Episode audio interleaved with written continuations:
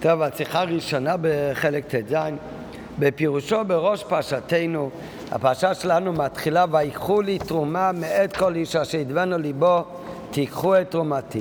אומר רש"י, ויקחו לי תרומה, הרש"י הראשון בפרשתנו אומר רש"י, לי לשמי. מה הפירוש ויקחו לי תרומה? אומר רש"י, לי לשמי. המילה לי פירושה שלוקחים את זה לשמי, מה הכוונה לשמי?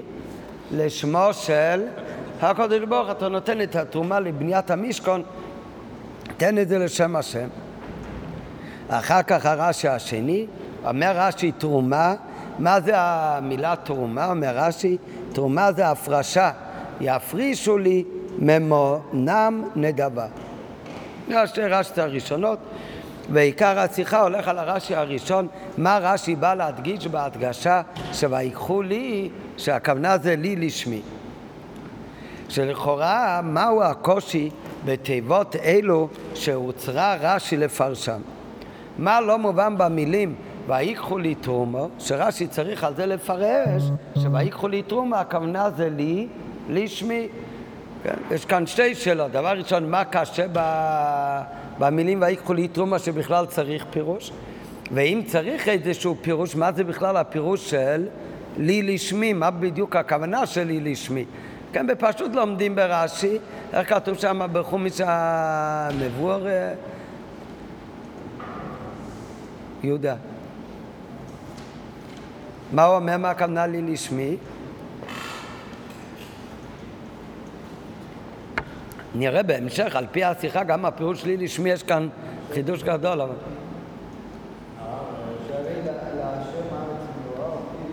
לא, בסדר, זה נראה כבר, זה הוא מסביר מה הקושי, בסדר. אתה קורא בשייל המורה, זה על פי השיחה כבר.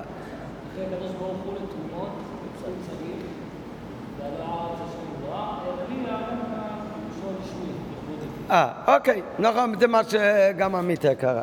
טוב, אז נראה בפנים. אבל פשוט מה הקושי בכלל, מה בכלל קשה בפירוש המילולי ויקחו לי תרומה מאת כל איש אשר ידבנו ליבו, תיקחו את תרומתי. מה לא מובן כאן שהוצרה רש"י לפרש אותם. ומפרשים, ומבארים המפרשים. שהפירוש הפשוט של ויקחו לי, מה זה ויקחו לי? ויקחו אליי. טוב? וכשאני אומר, אמ, יוסי, תביא לי את הטלפון, אז אתה נותן משהו לי, מקודם הוא לא היה שלי ועכשיו אתה נותן לי. סימן גם שהייתי צריך אותו. מקודם היה חסר לי משהו, ואני אומר לו, תיתן לי. לא צריך שתיתן לי, יש לי את של אלי. אבל זה, אז זה בדרך, זה פירוש בעברית, ותיתן לי.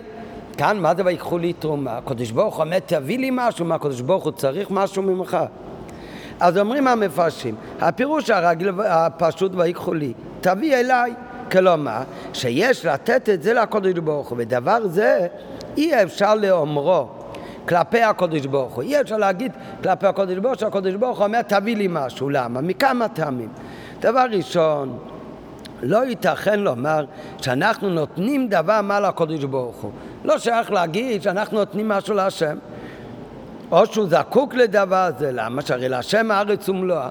כל העולם זה של הקודש ברוך הוא, הכל שייך לו, אם הרב לא אומר לך, ולכן אין לפרש הפירוש המילולי, ויקחו לי תרומה, כשהקודש ברוך הוא אומר תביאו לי משהו, מה זאת אומרת תביאו לי משהו? ועד שאנחנו מביאים, זה לא אצלו, זה לא שלו, כל העולם זה שלו. בלשון לי מורה שהשייכות של הדבר עליי, ועל ידי כיחה קירוב. וזאת מתאים לומר רק בנוגע לדבר גשמי, מה שאין כן בנוגע לקודש ברוך הוא, שאינו גוף ואין לו שום דמות וצורה וכולי. מה הכוונה תביא את זה אליי? כשאני אומר, יוסי תביא לי את הטלפון, תביא את זה אליי, אז מקודם זה היה שם, ועכשיו זה יהיה אצלי, אצלי ביד או לידי, הוא מקרב את זה אליי. הקודש ברוך הוא מלא כל הארץ כבודו, אין מקום שהוא לא נמצא. מה הכוונה תביא לו את זה? מה זאת אומרת? איפה שזה נמצא. השאלה הראשונה זה בכלל, מה, הוא לא צריך להביא לו שום דבר, כי הכל שלו. כן? גם אם נגיד שכן היו צריכים להביא לו משהו, אז לא מתאים הלשון, תביא לי, תיקח לי, כי הוא הרי נמצא בכל מקום. הוא נמצא ב- ב- ליד הדבר תמיד. בן אדם גשמי, כשאומרים ויקחו לי, כנראה מקודם זה רחוק, זה עכשיו ליד אברהם, תביא לי את זה, תקרב את זה אליי. קודש ברוך שמלא כל הארץ כבודו, והוא לא גוף ואין לו שום דמות וצורה, אז לא שייך להגיד, תביא, ת, תקרבו לי משהו, תביאו לי משהו. ובגלל שתי העניינים האלה, אז כך אומרים המפרשים, חלק מהמפרשים, נראה אחר כך יש עוד פירושים, אז רש"י צריך להסביר מה כאן הפירוש ויקחו לי. שזה לא יכול להיות כפירוש המובן כפשוטו, שמביא משהו לקודש ברוך הוא. דבר ראשון לא צריך להביא לו כי הכל שלו. דבר שני, הקודש ברוך הוא נמצא בכל מקום, ואיפה זה נמצא? זה נמצא אצלו. ולכן רש"י צריך להגיד שויקחו לי זה פירוש שונה לגמרי, ויקחו לי הכוונה לי היינו לשמי.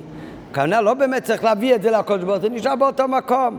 הכוונה כאילו תביא את זה לשמו של הקודש ברוך הוא. מקודם הזהב הזה, זה היה זהב רגיל בבית שלך. אתה יכול לעשות מזה טבעות. ויקחו לי תרומה, הכוונה, את הזהב הזה, תייחד אותו לשמו של הקודש ברוך הוא. זה הכוונה ויקחו לי, אומר רש"י לי, זה הכוונה לשמי, לשמו של הקודש ברוך הוא. אה?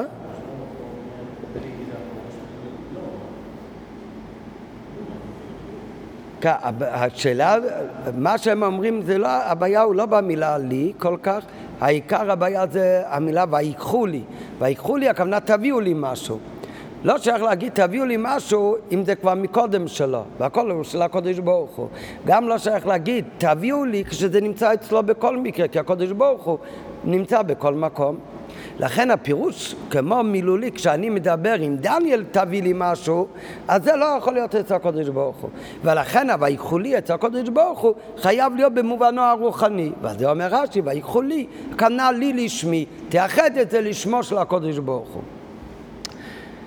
אבל קשה לפרש כאן ברש"י, קשה לומר שזה הפירוש כאן ברש"י, כי נוסף לזה שעל פי זה לא מובן למה רש"י מתיג מן הפסוק גם את המילה ויקחו וגם את המילה ותרומה, בשעה שהקושי הוא ביורו של רש"י הם רק בתיבת לי.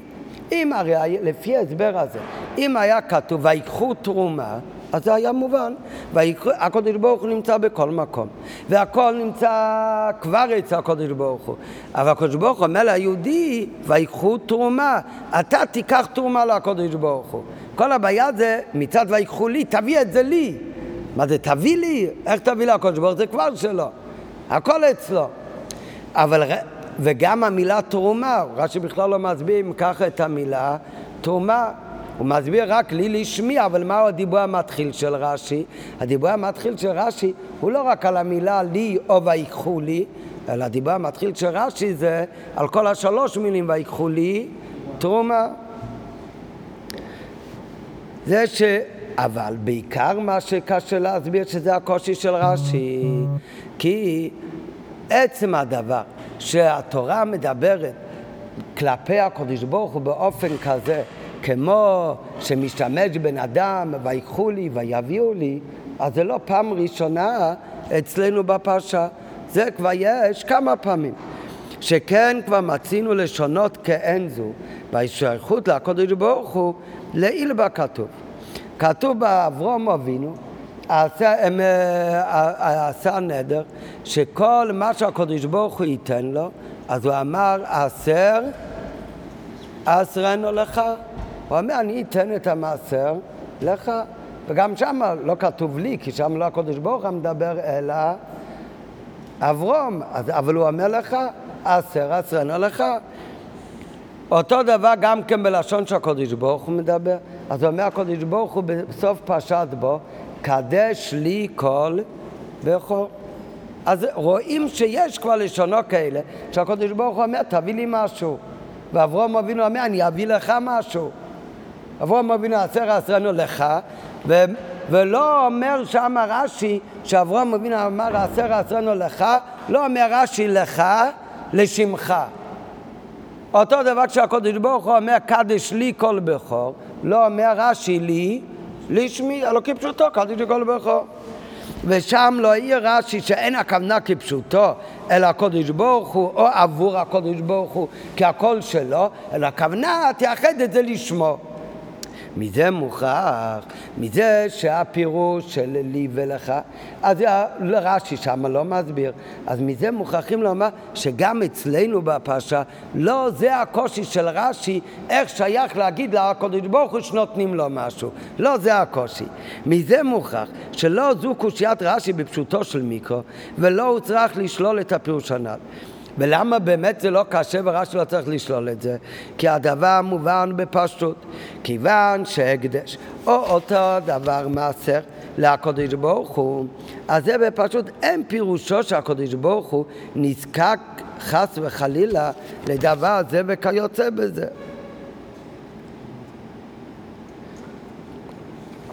כשאומרים שיהודי מקדיש משהו, או שאומרים שיהודי נותן מעשר לקודש ברוך הוא מקורבנות, זה לא אומר שלקודש ברוך הוא היה חסר ואנחנו נותנים לו משהו, אלא כל אחד מבין שהכוונה זה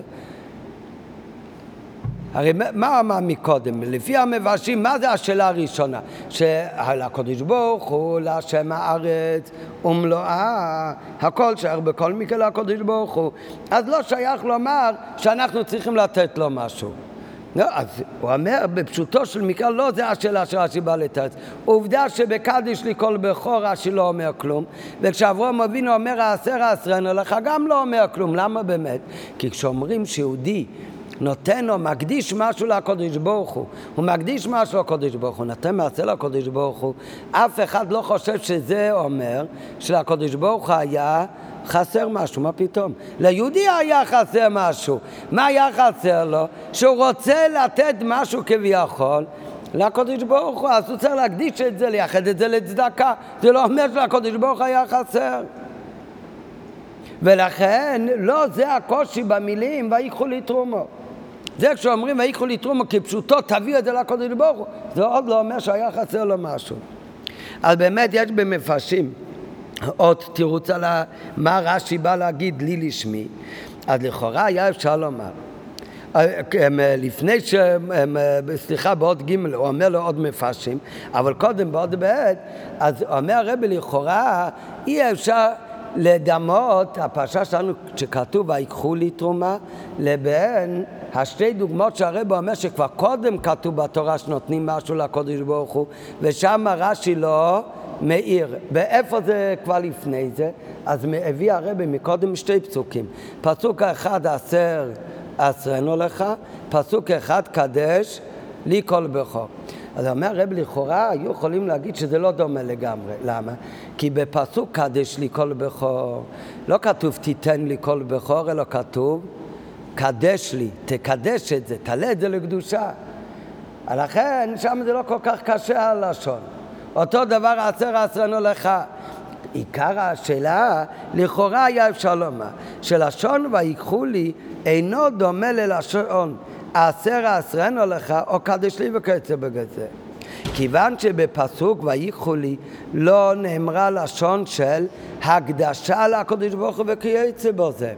כשכתוב עשר עשרנו לך, הכוונה אני אעשר את הרכוש לכבוד הקודש ברוך הכוונה יעלה את זה לקדושה. קדש לי כל בכור, שם הכוונה? שאת הילד הראשון שנולד, או בפטר רחם בבהמה, צריך לקדש אותו, להקדיש אותו ל... לקודש ברוך זה לשון קדושה. אז שמה לא כל כך קשה הלשון לי או לך, שאתה נותן לו משהו. כי שמה כמובן מהפסוק עצמו, שהכוונה נותנים לקודש ברוך זה הכוונה מקדישים את זה לקודש ברוך הוא. זה הכוונה לי לשמי. לכן שמה רש"י לא צריך בכלל להגיד את זה, כי שמה זה המובן הפשוט של קדש לי. תקדש את זה לשמי של הקודש ברוך הוא. אבל בפרשה שלנו, בפסוק אצלנו כתוב ויקחו לי תרומה, בכלל לא כתוב להקדיש את זה. אז כאן השאלה מה זה ויקחו לי, מה זה, אתה מביא משהו לקודש ברוך הוא? כאן לא כתוב בכלל לשון של הקדש. כאן לא כתוב אלו לקיחה, וסתם לקיחה להביא משהו לקודש ברוך הוא, זה באמת לא מתאים, הקודש ברוך הוא צריך שתביא לו, הוא גם נמצא בכל מקום, איך אתה מביא לו גם כן? לכן כאן רש"י צריך להגיד שלי, הכוונה לי לשמי. ומצד תמים הנעל צריך לכן רק להדגיש אצלנו שויקח לי תרומה, נכון? לא כתוב כאן המילה להקדיש, אבל הכוונה כאן זה אותו רעיון כמו להקדיש. לי הכוונה לי לשמי. ולכן הוא חרש לפרש שלי הכוונה לשמי. ובזה יובן גם כן הטעם שרש"י העתיק גם את המילה ויקחו. כי כאן הפירוש ויקחו לי, ויקחו בפשטות הכוונה, אני לוקח משהו מאחד לשני. כאן מה הפירוש ויקחו לי? הפירוש ויקחו לי כאן הכוונה כמו להקדיש לו הקודש ברוך הוא. וזה, איך אומר את זה רש"י? רש"י אומר שהמילה לי זה הכוונה לי לשמי. ואז מה יוצא? שכשכתוב ויקחו לי תרומה, זה כאילו היה כתוב תקדשו לי תרומה, תקדישו לי תרומה, לא תקדשו, תקדישו לי תרומה.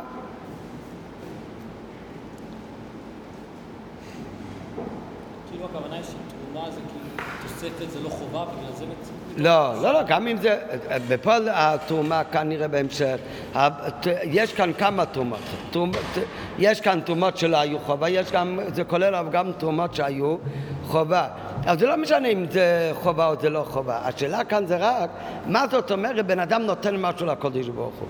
כשבגשמי כשאני אומר אני נותן לך משהו, כנראה מקודם זה לא היה אצלך ועכשיו אני נותן לך. מצד שתי פרטים הלשון הזה לא מתאים אצל הקודש ברוך הוא. דבר ראשון, כי לא שייך אצל הקודש ברוך הוא שמקודם לא היה לו משהו, כי תמיד הכל שלו. דבר שני, איך בדיוק אתה נותן לו את זה? מה זאת אומרת? כשאני נותן לדניאל משהו, זה היה רחוק ממנו, עכשיו זה קרוב אליו. כן? אבל אצל הקודש ברוך הוא, איך בדיוק אתה נותן לו? הוא רחוק ואתה מביא לו את זה? כן? מולי כל אורץ כבדי, הוא לא דבר, אין לו דמות הגוף, איך בדיוק אתה מביא לו? אז הרב אומר בהתחלה שזה באמת הם, הם, לא יכול להיות שזה הקושי שרש"י בא לתרץ. למה? כי אם זה הקושי שרש"י בא לתרץ, הוא היה צריך להגיד את זה איפה שהתורה כבר קודם אמרה כזה לשון. איפה היא אמרה כבר מקודם כזה לשון? עשר עשרנו לך שם אברום אבינו, ובפרשה בו קדיש לי כל בכר. אומר עכשיו הרב שהאמת שזה לא מדויק, למה? כי בקדיש לי כל בכור, רש"י לא צריך לפרש כלום למילה לי. כי שם זה מובן שמה הכוונה? הם לי שם אף אחד לא יכול לשאול מה חסר מה שהקדוש ברוך הוא. שם כל אחד מבין שהמובן, התוכן של קדיש כל בכור זה במובן הרוחני, הרי כתוב במפורש קדיש לי כל בכור, לא כתוב תיתן לי כל בכור. אם הכתוב תיתן לי כל בכור, אז באמת גם שם רש"י היה צריך לפרש איך מביאים, נותנים משהו לקדוש ברוך הוא. אבל מכיוון שכתוב קדיש לכל בכר, מביאים שזה הכוונה, מקדישים את זה לקודש ברוך הוא, מעלים את זה לקדושה, מייחדים את זה להשם, זה הכוונה לי. אותו דבר גם כן, עשר עשרנו לך, גם עשר עשרנו לך הכוונה שהוא מעשר את זה לשמו של הקודש ברוך הוא, אז שם זה מובן. אבל כשמגיע בפסוק שלנו, שכתוב ויקחו לי תרום, הקדוש ברוך הוא אומר, תיקחו לי את הדברים האלה. מה זאת אומרת? לא כתוב בכלל להקדיש. בכלל לא כתוב שמייחדים את זה.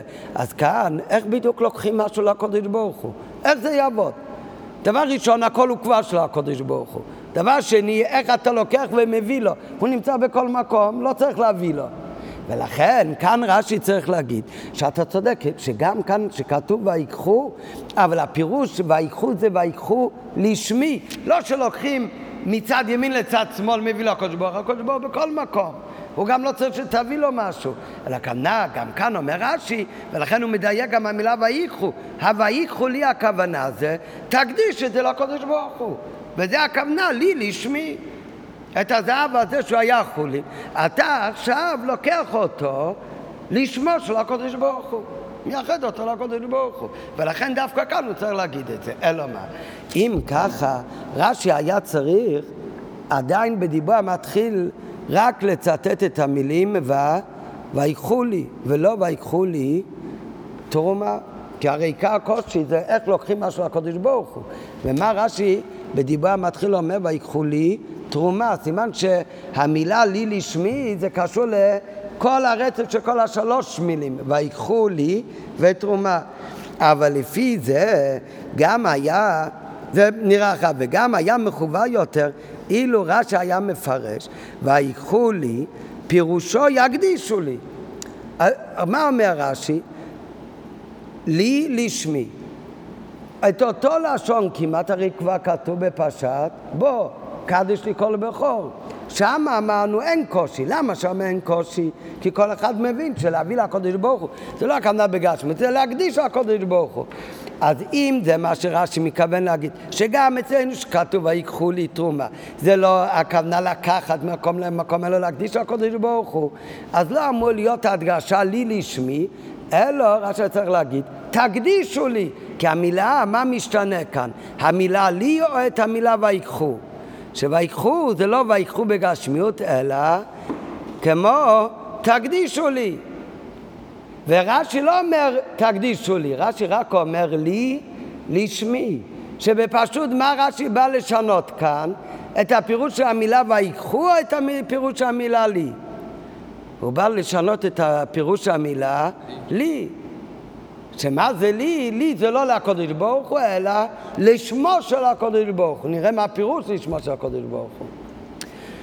טוב, בוא ג' יש מפרשים אחרים שהם כתבו שהקושי שהיה כאן לרש"י, שלכן רש"י צריך להגיד לי לשמי, זה קושי אחר בכלל, לא איך שייך להגיד שמביא משהו לקודש ברוך הוא, אלא שבכלל הקושי של רש"י זה מצד הלשון ויקחו לי תרומה, שלכאורה למי מדברים כאן? קודש ברוך הוא אומר למשה רבינו, דבר לבני ישראל ויקחו לי תרומה, בני ישראל ייקחו תרומה או ייתנו תרומה? אה? ייתנו תרומה. אז מה בכלל, מה זאת אומרת ויקחו לי תרומה? וייתנו לי תרומה. מאת כל איש אשר ידבנו ליבו, תיקחו את תרומתי. מה זאת אומרת, תדבר לבני ישראל, שבע ייקחו לי תרומה.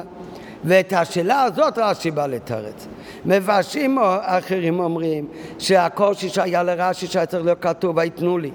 ועל זה אומר רש"י שלי לשמי לרמז שעל ידי תרומה לוקחים את הקודש ברוך הוא. כן? וזה, מה הכוונה לי לשמי? וזה רש"י בא להגיד, מה שכתוב. על דרך מאמר המדרש, שאב להשם הארץ ומלואה. הקודש ברוך הוא הרי כל העולם שלו, הכל הוא ברשותו של הקודש ברוך הוא. ולכן הכל שווה כלפיו. וכל זאת הקודש ברוך הוא חפץ להשכין שכינתו בתוך בני ישראל, על אף שכל העולם שלו, הקדוש ברוך הוא בחר וחפץ להשכין את השכינה דווקא בתוך בני ישראל. אז, אז מה יוצא מכאן? מי כביכול לוקח את הקדוש ברוך הוא? מכל העולם, מי יכול לקחת את הקדוש ברוך הוא? בני ישראל. וזה הכוונה, ויקחו לי, כנה ויקחו לי, אותי אתם לוקחים. יהודי לוקח את הקדוש ברוך הוא. ומאחר שלא ייתכן לומר שלוקחים את הקודש ברוך עצמו, מה זאת אומרת? ויקחו לי, אותי אתם לוקחים? כך אומר המדרש. אותי אתם לוקחים יהודי על ידי, כאן מדבר על תרומה, אבל על ידי תורה מצוות בכלל, על ידי זה הקודש ברוך, אה, יהודי כביכול לוקח את הקודש ברוך הוא. אז אותי אתם לוקחים? איך אפשר לקחת את הקודש ברוך הוא בעצמו? אתה יכול לתפוס את הקודש ברוך הוא בעצמו? שהרי השמיים ושמי השמיים לא יכלכלוך. השמיים הם לא כלי להשראת שכינתו של הקודש ברוך הוא. אז יהודי הוא יכול לקחת, לקחת את הקודש ברוך הוא. לכן אומר רש"י, מה הכוונה אותי אתם לוקחים? לי לשמי, לא לוקחים את העצם של הקודש ברוך הוא, אלא היינו ששמו יתברך על עליהם. שמו של הקודש ברוך הוא, לשמי, שמו של הקודש ברוך הוא אתם לוקחים. אי אפשר לקחת את הקודש ברוך הוא ממש, כן? שום דבר לא יכול לקחת את הקודש ברוך הוא ולתפוס אותו. אז מה הכוונה ויקחו לי? שלפי המדרש הרי הפירוש ויקחו זה שלוקחים את הקודש ברוך הוא. מה אפשר לקחת את הקודש ברוך הוא ויקחו לי? מה זה להיות? אותי אתם לוקחים. אומר רש"י לי לשמי. אפשר לקחת ממש את השם, את הקודש ברוך הוא. אפשר לקחת את שמו של הקודש ברוך הוא, שהוא שורה על עם ישראל. היינו ששמו יתברך עליהם על ידי התרומה ובניין הבית. על דרך מה שכתוב בברכה כהנים, אחרי ברכה כהנים, ושמו את שמי על בני ישראל. כתוב הרבה פעמים בחסידות, שיש את ה... כמו בבן אדם, יש את הבן אדם עצמו ויש את השם שלו, זה הגילוי שלו, שמישהו אחר יכול לקרוא לו. זה הערה בעלמה. אותו דבר יש את הקודש ברוך הוא ויש את שמו של הקודש ברוך הוא. אז זה רש"י בא לתרץ. מכיוון שהיה הרי אמור להיות כתוב בפסוק, ויתנו לי. למה כתוב ויקחו לי? אז על זה דושים חז"ל, שמה הפירוש ויקחו לי? שיהודי על ידי הפרשת תרומה הוא לוקח את הקודש ברוך הוא ויקחו לי. ויקחו את מי אתם לוקחים? לי, את הקודש ברוך הוא. כך אומרים חז"ל. אז אומר רש"י, וזה אומר, בא רש"י לתרץ, כאילו, אז שאלה ראשונה הוא בא לתרץ, למה כתוב ויקחו ולא ויתנו? נו, אז על זה כבר אמרו חז"ל, שבויקחו בא לרמז שהוא יהודי, הוא לא נותן לקודש ברוך הוא, כשהוא נותן תרומה, הוא לוקח את הקודש ברוך הוא. רק מה, אם ככה מיד נשאלת השאלה, מה מישהו יכול לקחת את הקודש ברוך הוא? הרי שמיים ושמי השמיים לא יכלכלוך, איך את לוקחת את הקודש ברוך הוא? אז על זה עונה רש"י, באמת יש לקחת את הקודש ברוך הוא ממש. אבל את שמו של הקודש ברוך הוא את זה לוקחים. ושמו את שמי על בני ישראל. וזה הכוונה לי לשמי. זה פירוש מאוד יפה, אבל, וכך אומרים המפרשים, הרב אומר, קשה מאוד להגיד שזה מה שהתכוון כאן, כאן רש"י, למה? כי הרי רש"י בכלל לא מביא כאן את דברי חז"ל, שויקחו לי זה, אותי אתם, לוקחים, לא כתוב, כל המדרש הזה בכלל לא מובא ברש"י. אם רש"י היה מביא שויקחו לי זה אוי סייעתם לא יקחים כמו שאומרים חז"ל. ואז נשאלת השאלה איך אפשר לקחת את הקודש ברוך הוא? ואומר רש"י מה זה לי לי לשמי אז זה מסתדר מצוין. אבל הרי רש"י מדבר בפשוט של מיקרו באופן שאפילו בין חומש למיקרו אמור להבין מה שהוא אומר. ורש"י בכלל לא מביא את הדרשה של ויקחו זה אותי אתם לוקחים, הרי בלי המדרש, למה באמת, פשוט של מיקרו, למה כתוב ויקחו לי ולא ויתנו לי תרומה? אה? לא, אבל עדיין, למה כתוב ויקחו ולא ויתנו? פירוש הפשוט, אני מזכיר את זה עכשיו כי זה יהיה נוגע להמשך השיחה, אבל בפשוט, הרי חז"ל באמת אומרים למה לא כתוב ויתנו אלא ויקחו, כי אותי אתם לוקחים. וזה הרי מה שהמפרשים עכשיו אומרים, שלכן אומר רש"י לי לשמי, להגיד שהרי אי אפשר לקחת ממש את הקודש ברוך הוא, על שמו של הקודש ברוך הוא, כאילו זה כן אפשר, אבל ה... אבל הרב אומר, זה כפי שנדמה כמה פעמים, כבר פעמים רבות, רש"י נכתב בסגנון בהיר וברור, עד שאפילו בן חמש למיקרו יכול להבין את זה. ולו הייתה כוונת רש"י לתוכן הנ"ל, הרי היה כותב את זה במפורש ובאופן ברור. והיה כותב שויקחו לי, זה אותי אתם לוקחים, ואז היה אומר לי, את, איך אתם לוקחים אותי? את שמי סך הכל. אבל ולא בדרך רמז על ידי שהוא כולל לכל הפלפול הזה במילה אחת, לי לשמי. כן, זה קצת דברי נבואה. ולכן, זה, הפירוש הזה הוא נכון, אבל קשה להגיד שזה מה שהתכוון רש"י. עכשיו, לפני שאמשיך הלאה, למה באמת בפשוט של מיקרו שרש"י הרי לא מביא את הדרשת חז"ל שויקחו לי אותי אתם לוקחים. אז למה בפשוט של מיקרו כתוב ויקחו ולא ויתנו לי תרומה?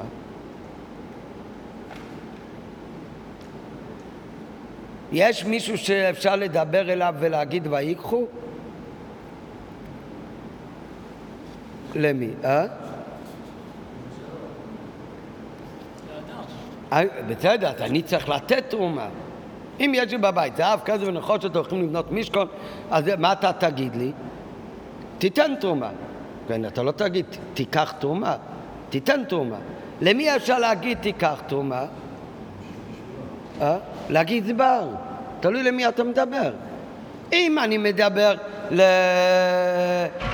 לאיראן ולא, אז אני אומר תיתנו צדקה, כן?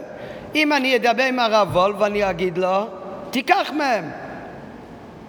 כן, וזה, זה, בפירוש חז"ל אומרים שהאבל אליהם וייתנו לי תרומה ולמה כתוב ויקחו לי? כי אייסי אתם לא יקחים אל תראה גם מביא בתניא על די תר ומיצוס יהודי לוקח את הקודש ברוך הוא. אבל רש"י לא מביא את זה כאן בפשוטה של מיקרו. בפשוטה של מיקרו ודע השם מלמד של אמר, דע לבני ישראל ויקחו לי תרומו, זה תגיד לגזברים בבני ישראל, שויקחו לי תרומה. ממי תיקחו? מאת כל איש אשר ידבנו ליבו, תיקחו את תרומתי. באמת מדברים לא לזה שנותן את הזהב, מדברים ללווים שהם גובים. כן, זה בפשוט מקום. ולכן הרב אומר את כל הפירוש שהביא מקודם, קשה להגיד שזה יכוון רש"י. אז אנחנו עדיין עומדים בשאלה מהי ההדגשה של רש"י ומה הוא בא לתרץ בזה שהוא מסביר את המילים ויקחו לי תרומו, אומר רש"י, מה זה לי? לי לשמי. וגם למה הוא בדיבה המסחיל, הוא מצטט לא רק את המילה לי ואומר לי לשמי, אלא הוא מצטט גם את המילים ויקחו וגם את המילה תרומה. דרך אגב, כאן רש"י, זה לא דרך אגב, זה מה שהאות הבא בשיחה, ויקחו לי תרומה מרש"י לי לשמי. רש"י דיבר מתחיל הבא, מה זה? תרומה. אומר רש"י מה זה תרומה? הפרשה. תרומה, מה זה המילה תרומה? מתרגם רש"י הפרשה. למה הוא אומר הפרשה? כי יכול להיות עוד אופציה. אומר רש"י תרומה זה הפרשה. את המילה תרומה הוא מסביר רק בדיבה מתחיל הבא. אבל בדיבה מתחיל הראשון של רש"י הוא כבר מצטט ויקחו לי תרומה. כאן מה הוא מסביר? עוד לא את המילה תרומה, אלא רק את המילה לי. אבל כדי להבין שלי הפירוש לי לשמי, אז זה נובע לא רק מהמילה לי, אלא זה נובע גם מהמילים ויקחו וגם מהמילה תרומה, עובדה שגם זה בדיבור המתחיל. אבל את הפירוש של רש"י על המילה תרומה, שזה לשון הפרשה, זה לא נוגע לפירוש להבין שויקחו לי תרומה, לי זה לשמי. כי אם גם הפירוש של המילה תרומה, שזה הפרשה, גם את זה היה נחוץ לי לדעת. כדי להבין שלי זה לשמי, אז רש"י היה קודם מסביר את המילה תרומה שזה הפרשה, ורק אז הוא אומר שלי זה לי לשמי. רואים כמה פעמים שרש"י אומר מילה, מסביר מילה מאוחרת בפסוק, ורק אחר כך מסביר מילה מוקדמת בפסוק. למה? כי הרבה פעמים את המילה המוקדמת בפסוק אפשר להבין אותה לשורה רק לפי הפירוש האמיתי של המילה שכתובה אחר כך. אבל אצלנו, אז רואים שתי דברים. מצד אחד, כשרש"י רוצה להסביר את המילה לי, שזה לי לשמי, אז הוא באמת מצטט מהפסוק גם את המילה תרומה. זאת אומרת, אני גם צריך את המילה תרומה כדי להבין שלי זה לשמי. מצד שני, את הפירוש רש"י על המילה תרומה, שתרומה זה לשון הפרשה, את זה מביא רש"י רק אחר כך. זאת אומרת, את התרומה שכתוב בפסוק, זה נחוץ לי כבר לדעת כדי להבין שלי זה מלשון לשמי. זה שתרומה זה לשון הפרשה ולא משהו אחר, זה לא נוגע לעניין. זה יהיה רק בדיבה המתחילה הבאה. כן, מה זאת אומרת? נראה בהמשך. כאמור לעיל, העתיק רש"י מן הפסוק גם את המילה תרומה. מזה מוכרח שההכרח לפירוש לי לשמי זה לא רק מהמילים ויקחו לי גרידא, אלא גם מהמילה תרומה. ובהקדים, כאשר הכרח של רש"י הוא מטבע אמורה לעלם בפסוק. לפעמים כשההכרח של רש"י, שהוא רוצה להסביר משהו בתחילת הפסוק, אבל ההכרח קשור גם למה שכתוב אחר כך, אז הכל לפרש תיבה זו לפני התיבה הקודמת לה. כיוון שפירושו המאוחר הוא היסוד לפירוש המוקדם, כמו שאמרנו מקודם. לפי זה, כיוון שההכרח לפירוש שלילי שמי הוא גם מתיבה תרומה. ורש"י אבל מסביר את המילה תרומה, שתרומה זה הפרשה רק אחר הפירוש של מילה לי.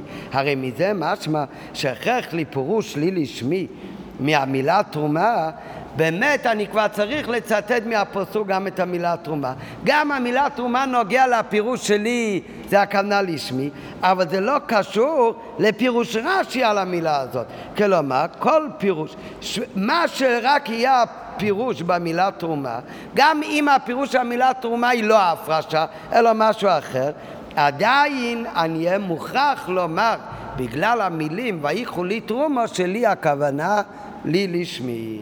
מה הביור בזה? ועכשיו מתחיל הביור. אות ה' זה הביור, ואחר כך, זה עד אות ו', עכשיו נלמד את הביו באות ה', זה הביו ברש"י, ואחר כך מאות ו' מתחיל את השיחה, ביור על פי הרש"י הזה. שזה עוד, הם, הם אחר גם על פי חסידס, וזה יהיה הרבה יותר קל מהפלפול ככה שלמדנו עכשיו בתחילת השיחה. ההמשך יהיה הרבה יותר הם, בקלות. והביאו בזה, ויקחו לי בפשטס פירושו, יקדישו לקודש ברוך הוא. דבר ראשון, המילה ויקחו לי, גם אם כמו קדש לי אין לנו בעיה, ואנחנו יודעים מה זה קדש לי, לא שלקודש ברוך היה חסר משהו. לך היה חסר משהו, לכן אתה צריך לקדש משהו, לייחד אותו לקודש ברוך הוא. אז אותו דבר, אם הכתוב ויקחו לי זהב וכסף ונחושת, אז כל אחד היה מבין מה הפירוש, מה הקדוש ברוך הוא חסר את הזהב שלך? מה פתאום? כל אחד היה מבין. אם הכתוב ויקחו לי זהב וכסף ונחושת, שיהודי צריך לייחד את הזהב ואת הכסף שלו לבניית המשכון, להקדיש את זה ל- לעשות בית המקדש. ויקחו לי בפשטות פירושו, גם אם לא כתוב קדש, אלא כתוב ויקחו, הכל אחד מבין שכלפי הקודש ברוך הוא. אם אומרים ויקחו לי, הכוונה יקדישו לקודש ברוך הוא. היינו שהתרומה שבני ישראל נותנים לקודש ברוך הוא, שהתרומה שבני ישראל תהיה הקדש. ואת זה שולל רש"י. רש"י אומר כאן הפירוש ויקחו לי, זה באמת לא שזה נהיה הקדש, זה לא נהיה קדוש. ומאיפה רש"י יודע שזה לא הפירוש? מזה שרש"י מעתיק את לשון הכתוב ויקחו לי תרומה, שגם מעתיק את המילה לפני מילה לי ויקחו וגם את המילה השלישית תרומה. ויקחו כפשוטו משמעו. בדרך כלל מה זה המילה של ויקחו? מה זה לקחת משהו? ויקחו זה לקחת מכאן ולשים שם. ויקחו, להעביר ממקום למקום. ויקחו פשוטו כמשמעו, זה דבר שנלקח ממקום זה למקום אחר. או שזה עובר מרשות אחד לרשות אחרת. יכול להיות שהדבר יישאר באותו מקום. ואני לוקח את זה ממך, מה הכוונה? מקודם למי זה היה שייך? לך, אתה בעל הבית. עכשיו אני נותן לך מאה שקל על הדבר הזה, עכשיו זה נהיה שלי. אז גם על זה, גם בעברית הוא אומר, לקחתי את זה מיוסי, איפה זה מונח? זה יכול להיות מונח באותו מקום. אז זה עבר, אבל זה גם לקיחה. לא לקיחה פיזית, אלא מרשות לרשות. זה עבר מרשות של המוכל לרשות הלוקח. אז זה הפירוש המילולי של המילה ויקח בדרך כלל. אז ויקח הכוונה, לוקחים דבר ממקום אחד למקום אחר. או שהדבר אולי יישאר באותו מקום, אבל היא נלקחת מרשותו של ראובן לרשותו של, של שמעון. זה המילה כיחה. תרומה ניתן לפרש על פי פשוטו של מקרא בשתי אופנים. את המילה תרומו אפשר להסביר בשתי אופנים פשוטו של מקרא. אחר כך באמת, כשרש"י בא להסביר תרומה, מה הוא אומר, מה זה תרומה מלשון? הפרשה. איזה עוד פירוש יכול להיות למילה תרומה? תרומה מלשון להרים, לרומם, הרמה, כן? או הפרשה או הרמה. תרומו יכול להיות על פי פשוטי של מיקרו שתי אופנים.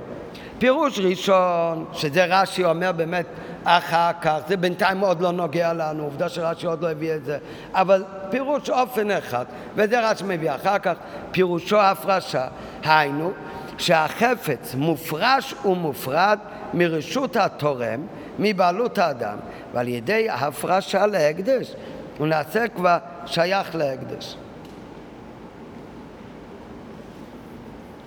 נהיה לו שייכות להקדש. אני לא יודע אם כתוב שייך ל... יש לך את השיחה ביידיש כאן?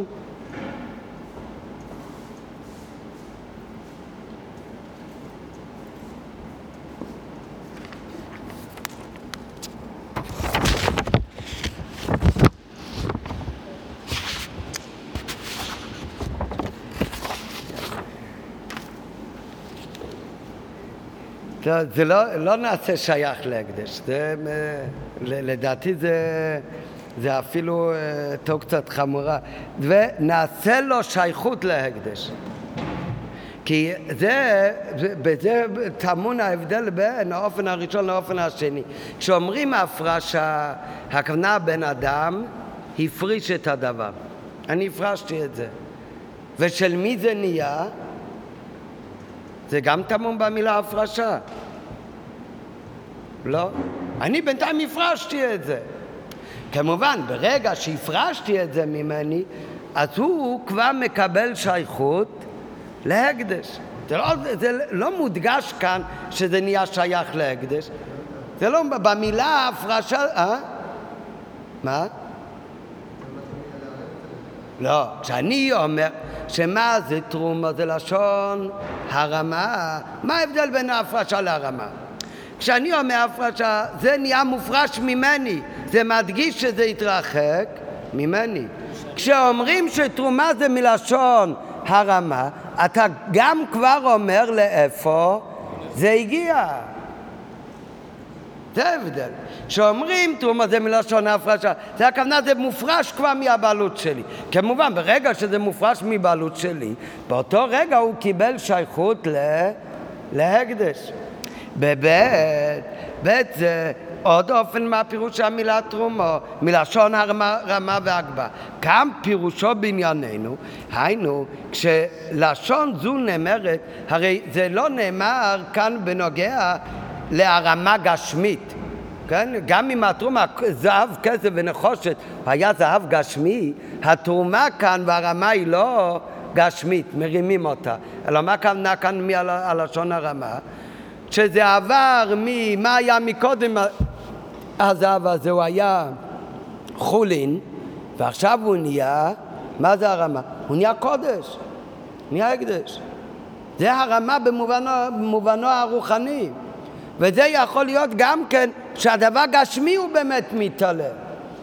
איפה אנחנו רואים את זה בעניין לא בתרומה? בשדה עפרון, שהשדה היה מקודם לאפרם, ומי קנה אותו? אברום אבינו. אז כתוב שם, ויקם שדה עברון. מה הכוונה?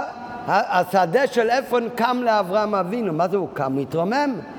מה זה? תקומה הייתה לו, הוא עלה בדרגה. מקודם היה נכסי עפרון, עכשיו זה נכסי אברום אבינו. תקומה הייתה לו. שיצא מיד אדיוט ליד מלך, אברום אבינו היה מלך. ובנידן דידן, החפץ היה קודם בבעלות האדם, ועכשיו נתעלה לבעלות ההקדש. בהפרשה, מה מודגש? שהדבר כבר יצא מהחולין, הוא נפרש מהבעלות שלי. כמובן, על ידי שהוא נפרש ממני, הוא פרש ממני, אז הוא כבר מקבל שייכות להקדש, הוא באמת יכול להיות כבר שייך להקדש, אבל זה לא מונח במילה הפרשה. במילה הרמה הוא כבר התרומם. על מה זאת אומרת? זה מדגיש לא רק שהוא יצא מהרשות שלי, אלא כבר נכנס בפועל, הוא נהיה הקדש.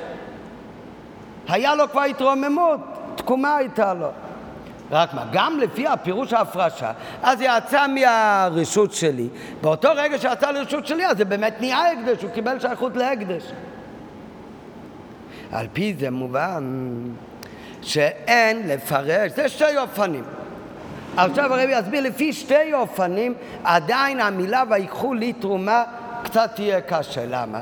בפשטות, מה אמרנו בהתחלה באות ה', שאם היה כתוב ויקחו לי, מה אתה היית חושב בפשטות, בלי לפני רש"י, ויקחו לי, מה, מה זאת אומרת, מביאים לקודש ברוך הוא משהו? כנראה מקדישים לקודש ברוך הוא. אבל מכיוון שכתוב בפסוק, ויקחו לי תרומה, הרי אם ככה לא צריך בכלל להיות המילה לי כתובה כאן, למה? כי המילה תרומה כבר מבטא שאת הדבר אתה מפריש ממך. כן, למה אתה מפריש ממך? זה נהיה שייכות להקדש. עוד יותר לפי הפירוש שתרומה זה מלשון הרמה, כאן כבר לגמרי מוקדש שמקדישים את זה כבר לקודש ברוך הוא. אז זה יכול להיות כתוב ויקחו תרומה.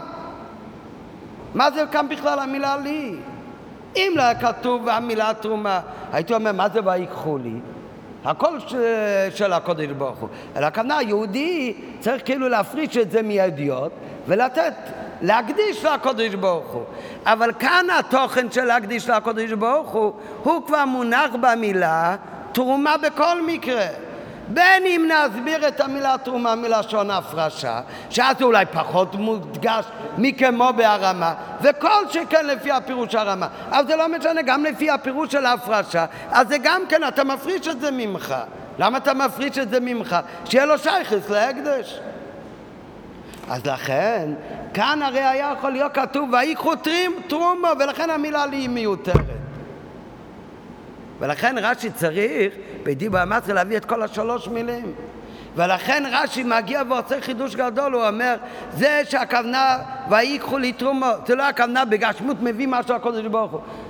הקודש ברוך הוא להשם הארץ ומלואה. הקודש ברוך הוא מולי כל הארץ כבדי, לא צריך שיביאו לה, הכל אצלו.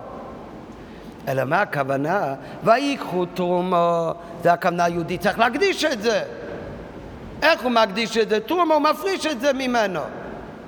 או שיכול להיות עוד פירוש יותר מודגש, שתרומה מילה של הרומה הוא מקדיש את זה.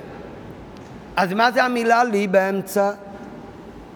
אז על זה אומר רש"י, יש כאן עוד עניין. בנוסף ל"ויקחו תרומה", תפרישו את זה להקדש, יש עניין שלי לשמי, צריך לעשות את זה לשמו של הקודש ברוך הוא. מה הכוונה צריך לעשות את זה לשמו של הקודש ברוך הוא? על פי זה מובן שאין לפרש כוונת הכתוב במילה ויקחו לי היא לנתינת החפץ להקדש. שהרי זה שמייחדים את הדבר להקדש השייכות להקדש זה כבר מבואר במילים ויקחו תרומה כי תרומה זה כבר אומר שאתה מפריש את הדבר ואתה מרומם את הדבר. שפירושו של הדבר שייך עכשיו להקדש, תרומה וכבר נמצא ברשות הקדש, זה הכוונה ויקחו, העבירו את זה מרשות לרשות כמו שאמרנו מקודם.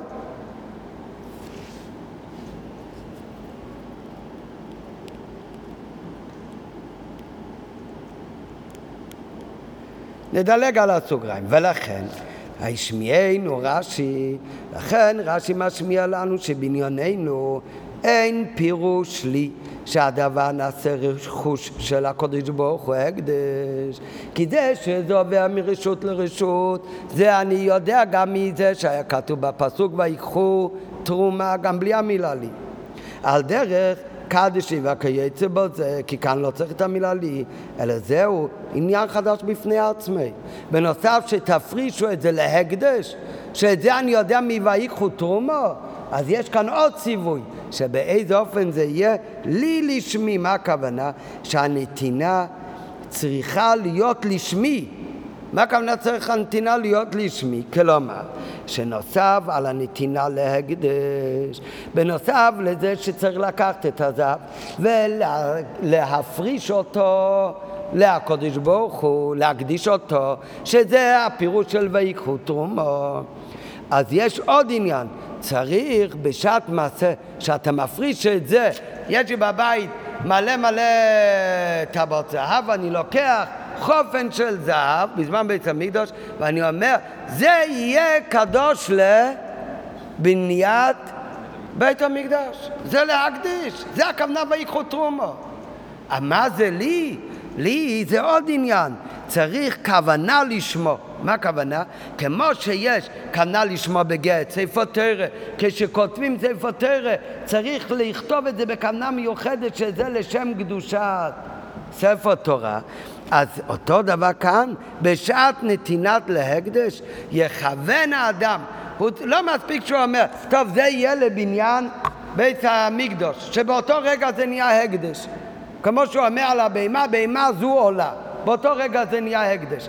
אלא בזמן שהוא מקדיש את זה, הוא צריך לכוון שזה לכבודו של הקודש ברוך הוא. זה לשמי, זה לשמו של הקודש ברוך הוא. כוונה מיוחדת. מעבר לזה שהוא פשוט בפעיל ממש מקדיש את זה, איך הוא מקדיש את זה? בזה שהוא אומר שזה יהיה לבניין המשכון. בנוסף לזה, צריך בשעת מעשה לחשוב שאני נותן את זה לבניין המשכון לשם הקודש ברוך הוא. זה לי לשמי. אה? כל המצוות צריך לעשות את זה בעצם. צריך מה? נכון. כן, אבל כאן זה התורה מדגישה בכלל, כל המצוות יש על זה מחלוקת, אם מצוות צריכות כוונה או לא. כן, אה? כן. אז זה לא שהוא מקדיש את הדבר. קדיש לי כל בכר, שמה מה הכוונה? צריך לקדש את הבהמה, להגיד שהיא קורבן. הוא לא צריך בזמן שהוא מקדש את הבהמה, הוא אומר זה יהיה קורבן לחשוב, זה יהיה קורבן וזה לשמו של הקדוש ברוך הוא. כן, אולי הוא חושב ככה, אבל כאן התורה אומרת, צריך להיות לי לשמי. אתה, אתה אומר, מה כל כך חידוש, יהודי מניח תפילין. הוא גם צריך לחשוב שעושה את זה בשביל הקודש ברוך הוא. כן? אבל נראה אחר כך באמת ש... שיש כאן חידוש יותר גדול. הבן אדם שהוא... הוא... אבל אני לא רוצה להקדים את המאוחר, בן אדם שהוא מקדיש משהו, אז זה יותר קל להבין שהוא עושה את זה בכוונה מיוחדת לשמו שהקודש ברוך הוא. כאן, איך כתוב בפסוק? ויקחו לי תרומה. מה, אז למי מדברים, אמרנו מקודם? להגיד, כשהוא לוקח ממך את התרומה, הוא צריך את, לקחת את זה לשם הקודש ברוך הוא. זה, זה כבר הבנה אחרת. על פי זה יש לומר, בניינים מופלאים על דרך הלוכה שברש"י, שבניין הנ"ל שבתרומות, הנ"ל ישנו דין של כוונה לשמי, וזה הולך רש"י לשיטתו בש"ס. מה זה רש"י הולך לשיטתו בש"ס? יש משנה במסכת תמורה שכתוב איך אחד קודשי מזבח, אחד קודשי בדק המזבח, אין משנין אותן מקדושה לקדושה. בבית המקדוש יש קודשי בדק הבית. קודשי בדק הבית זה בן אדם תרם זהב לבית המקדש, הוא תרם אה, כל, כל מה שהוא רוצה יכול לתת לבדק הבית. מה יעשו הגזברים עם זה? יוציאו את הכסף הזה לשפץ את בית המקדש, או לקנות כלים אם צריך. יש קודשי מזבח. מה זה קודשי מזבח? אה? קורבנות, קודשי מזבח זה קורבנות, קורבן עולה, קורבן חטוס, קורבן שלמים, נדרים, נדבות, זה נקרא קודשי מזבח, זה קורבנות שמביאים בבית המקדש, ויש קודשי בדק הבית. קודשי בדק הבית זה להחזיק את הבניין, את בית המקדוש. אז אומרת המשנה שגם קודשי בדק הבית, גם קודשי מזבח, לא משנים מקדושה לקדושה. עד כאן לשון המשנה. מה הכוונה? שלא משנים אותם מקדושה לקדושה, אז על זה יש מחלוקת בין הרמב"ם לבין הרב"ד. יש מחלוקת בין הרמב"ם לרב"ד בספר הלכות של הרמב"ם, שהמחלוקת נובע מאיך מבינים את המשנה במסכת תמורה. הרמב"ם לומד את הדין הזה גם בנוגע לבדק הבית גופה. מה הכוונה אחד קודשי מזבח ואחד קודשי בדק הבית, אין משנים אותם לקדושה לקדושה. את זה אנחנו יכולים להבין בשתי אופנים, אפשר להבין. יש, אמרנו לפני רגע, קודשי מזבח זה קורבנות, קודשי בדק הבית זה מה שמשתמשים לבית המקדש ולשיפוץ בבית המקדש. עכשיו, אפשר להבין שלא משנים מקדושה לקדושה, הכוונה, אתה אל תמכור בהמות שעומדים להיות קריבים לבית המג... על המזבח, אל תמכור אותם כדי לשפץ משהו בכלי המקדש למשל. אותו דבר, אל תמכור את הזהב של כלי המקדוש כדי להקריב בהמות קורבנות בבית המקדש. זה הכוונה, לא משנים מקדושה לקדושה, אל תשנה מקדושת בדק הבית לקדושת מזבח, או מקדושת מזבח לקדושת בדק הבית. או יכול להיות עוד פירוש. יכול להיות שהפירוש הוא בתוך קודשי מזבח עצמו, גם אסור להחליף. אסור לקחת קורבן שלמים ולהחליט, טוב, עכשיו אנחנו משנים אותו לקורבן עולה. או לקחת קורבן עולה לשנות לקורבן שלמים. ואם ככה, גם אותו דבר יכול להיות בבדק הבית. אסור לקחת, אם תרמו זהב לצפות את השער, אל תשתמש בו ל...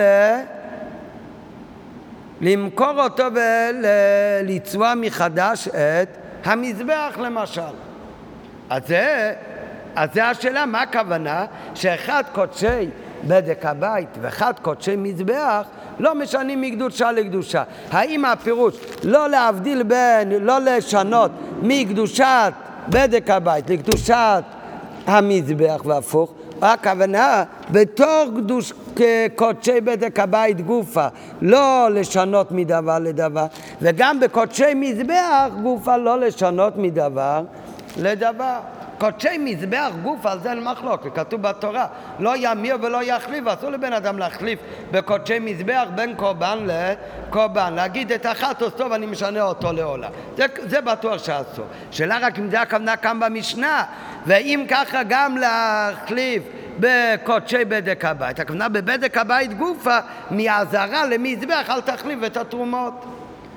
או שהכוונה פתאום, כל מה שתרמו לבדק הבית, לא משנה למה, קופה אחת אתה יכול לשנות. רק אל תשנה את זה עם קודשי מזבח ולא קודשי מזבח, עם קודשי בדק הבית. אז זה מחלוקת רמב"ם והרייבן. לדעת הרמב"ם, דין זה הוא גם בנוגע לבדק הבית גופה. אם הקדיש לבדק ההיכל, לא ישנה לבדק המזבח. זה לא קודשי מזבח, זה לבדק המזבח. בן אדם תרם, שיצפו את האזהרה, שלא ישמשו בזה לצפות את, ליצור מחדש את המזבח, לתקן את המזבח, וכן כל כיוצא בזה, כך אומר הרמב"ם.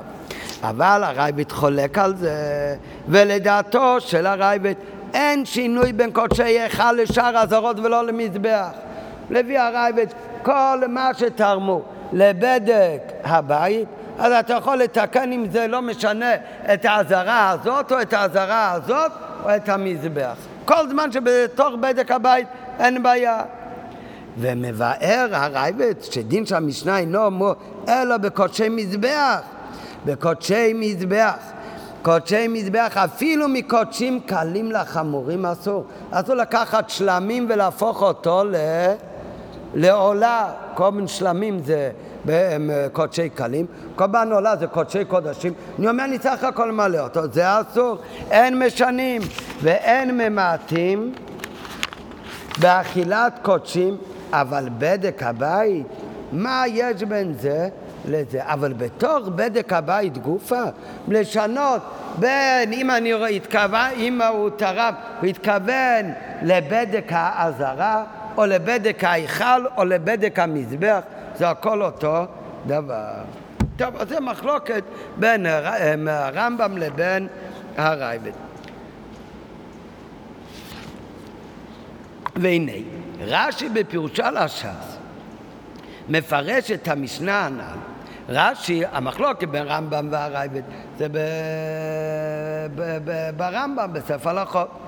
רש"י הוא כש... בגמרא, מסכת תמורה יש גם גמרא. ושם רש"י מסביר גם את המשנה. ואומר רש"י, מה זה קודשי בית בדק הבית? שהקדישם למזבח לא עשה כלום. בן אדם לקח קודשי בדק הבית, לקח מה שטמאו לבדק הבית, והוא אחר כך מקדיש אותם למזבח, לקורבן. לא עשה כלום. ובקודשי מזבח, ובקודשי מזבח גופה, אין משנים מקדושת עולה לשלמים ולא משלמים לעולה. אבל לא בקדושת בדק הבית גופה כשיטת הרייבד. אבל בתוך בדק הבית עצמו אין בעיה לשנות מדבר לדבר. זאת אומרת, רש"י, גם בקודשי בדק הבית יש איסור לשנות. מה איסור לשנות? אל תהפוך קודשי בדק הבית לקודשי מזבח. בקודשי מזבח יש איסור לא רק לא לעשות ממנו קודשי בדק הבית, אלא בתוך קודשי מזבח יש איסור גם לשנות בתוך קודשי המזבח גופה. אבל בתוך קודשי בדק הבית גופה, בזה אין הבדל לשנות ממה שהקדישו להיכל או לעזרה או למזבח, לתיקון המזבח, בזה הכל שווה.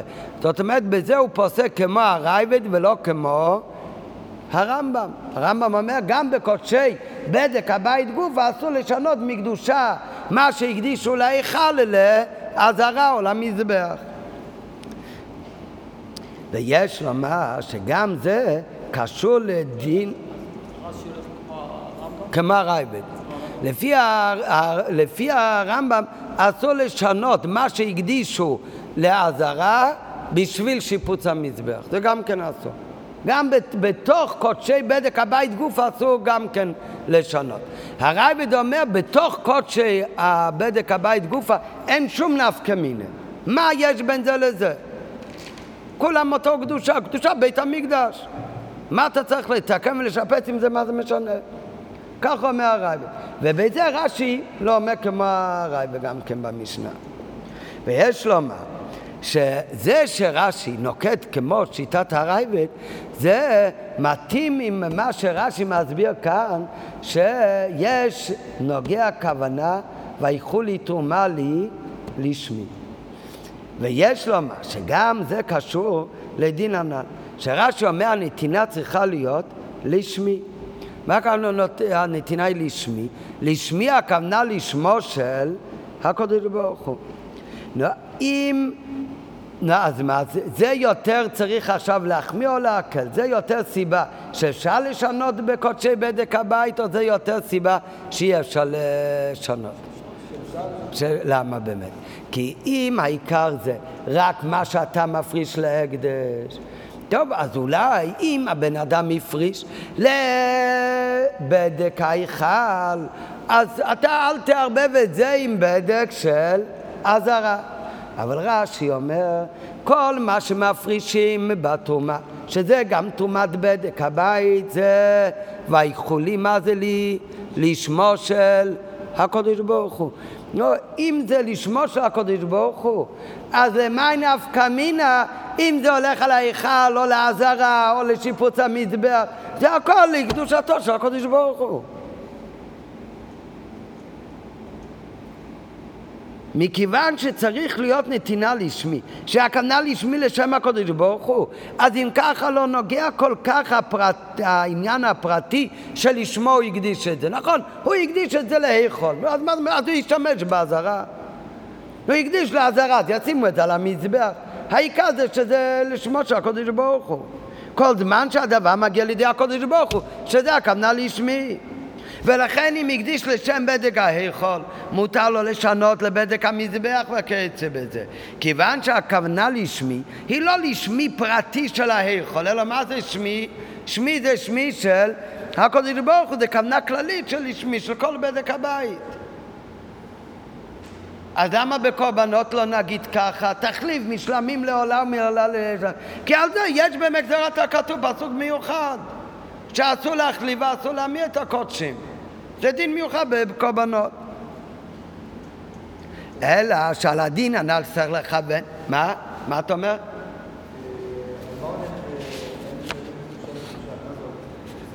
זה מחלוקת, אה? שאסור להחליף קדושת בדק הבית לקדושת מזבח, או קדושת מזבח לקדושת בדק הבית. או קדושת מזבח בתוך עצמו. אבל קדושת בדק הבית בתוך עצמו, על זה אין איסור להחליף. ובזה גם רש"י לומד ככה. למה באמת? כי אם באמת, לפי הרמב"ם גם זה אסור. כן. כן, הרמב"ם לא אומר, כמו מה שאומרת המשנה, שאסור לשנות את קדושת המזבח, הכוונה בוודאי גם בתוך קדושת מזבח גופה. אז הוא אומר שגם קדושת בדק הבית אסור לשנות, אפילו בתוך בדק הבית גופה, נכון. זה ההבדל בין הרמב"ם לבין הרייבד. ורש"י נוקק כמו הרייבד. אז הרב עכשיו הסביר שזה מאוד מובן בהמשך למה שלמדנו לי לשמי, שאם עיקר הכוונה לקודש ברוך הוא נו, אז העיקר שיעשו עם זה דברים טובים, מה שהשם רוצה. נכון? מה אתה אומר? לא, לא כל הדברים טובים. צריך להיות, לשמוע שהקדוש ברוך הוא שבדק הבית כמובן. אבל, אבל הדברים הפרטים מאחד לבעזרה זה פחות. כי זה לשמי, זה לשמו של הקדוש ברוך הוא. אלא שעל הדין הנ"ל שצריך לכוון בית הנתינה לשמי, אפשר לשאול. הרי בתחילת הפרשה אמרנו בשבת שכתוב שלוש פעמים המילה, המילה תרומה, ויקחו לי תרומה, מכל אישה שדנו תיקחו את תרומתי וזאת התרומה. אומר אז הירושלמי שמרמז הפסוק כאן לשלוש תרומות. האחד זה מה שבנו את המשכון, שזה כולל, זה בדק הבית, אם זה בנו את המשכון, אבל זה גם כן, אחד מהתרומות זה גם מחצית השקל שמה עשו ממנו? אה? יש שתי מחצית השקל, אחד עשו אדמים ואחד קנו איתם את קורבנות ציבור לכל השנה. קורבנות ציבור, קורבנות זה קודשי מזבח. אם ויקחו לי תרומה, מה אמרנו? זה צריך להיות כוונה לשמי. והרי רבותינו אמרו שתחילת הפרשה בג' התרומות האמורות כאן. אז בנוגע לתרומת המזבח, כן? זה שבמזבח אסור להחליף מאחד שני, זה לא נוגע, זה אמרנו מקודם כבר, זה גזירת הכתוב, וכאן בכלל על איזה תרומת המזבח מדובר כאן? אה? מחצית השקל, שמזה, זה לא היה קורבן אישי של מישהו, עם זה הקריבו את כל קורבנות הציבור של כולם. מה, מה אה, ממתי היו מכריזים שכל אחד יכין את מחצית השקל? אה? א' באדר. בראש חודש האחד באדם משמיעים על השקלים. כן? אבל כל, כל אחד הכין כבר הכנת מחצית השקל לאברהם? הכנת? עוד לא. טוב, צריך כבר להכין.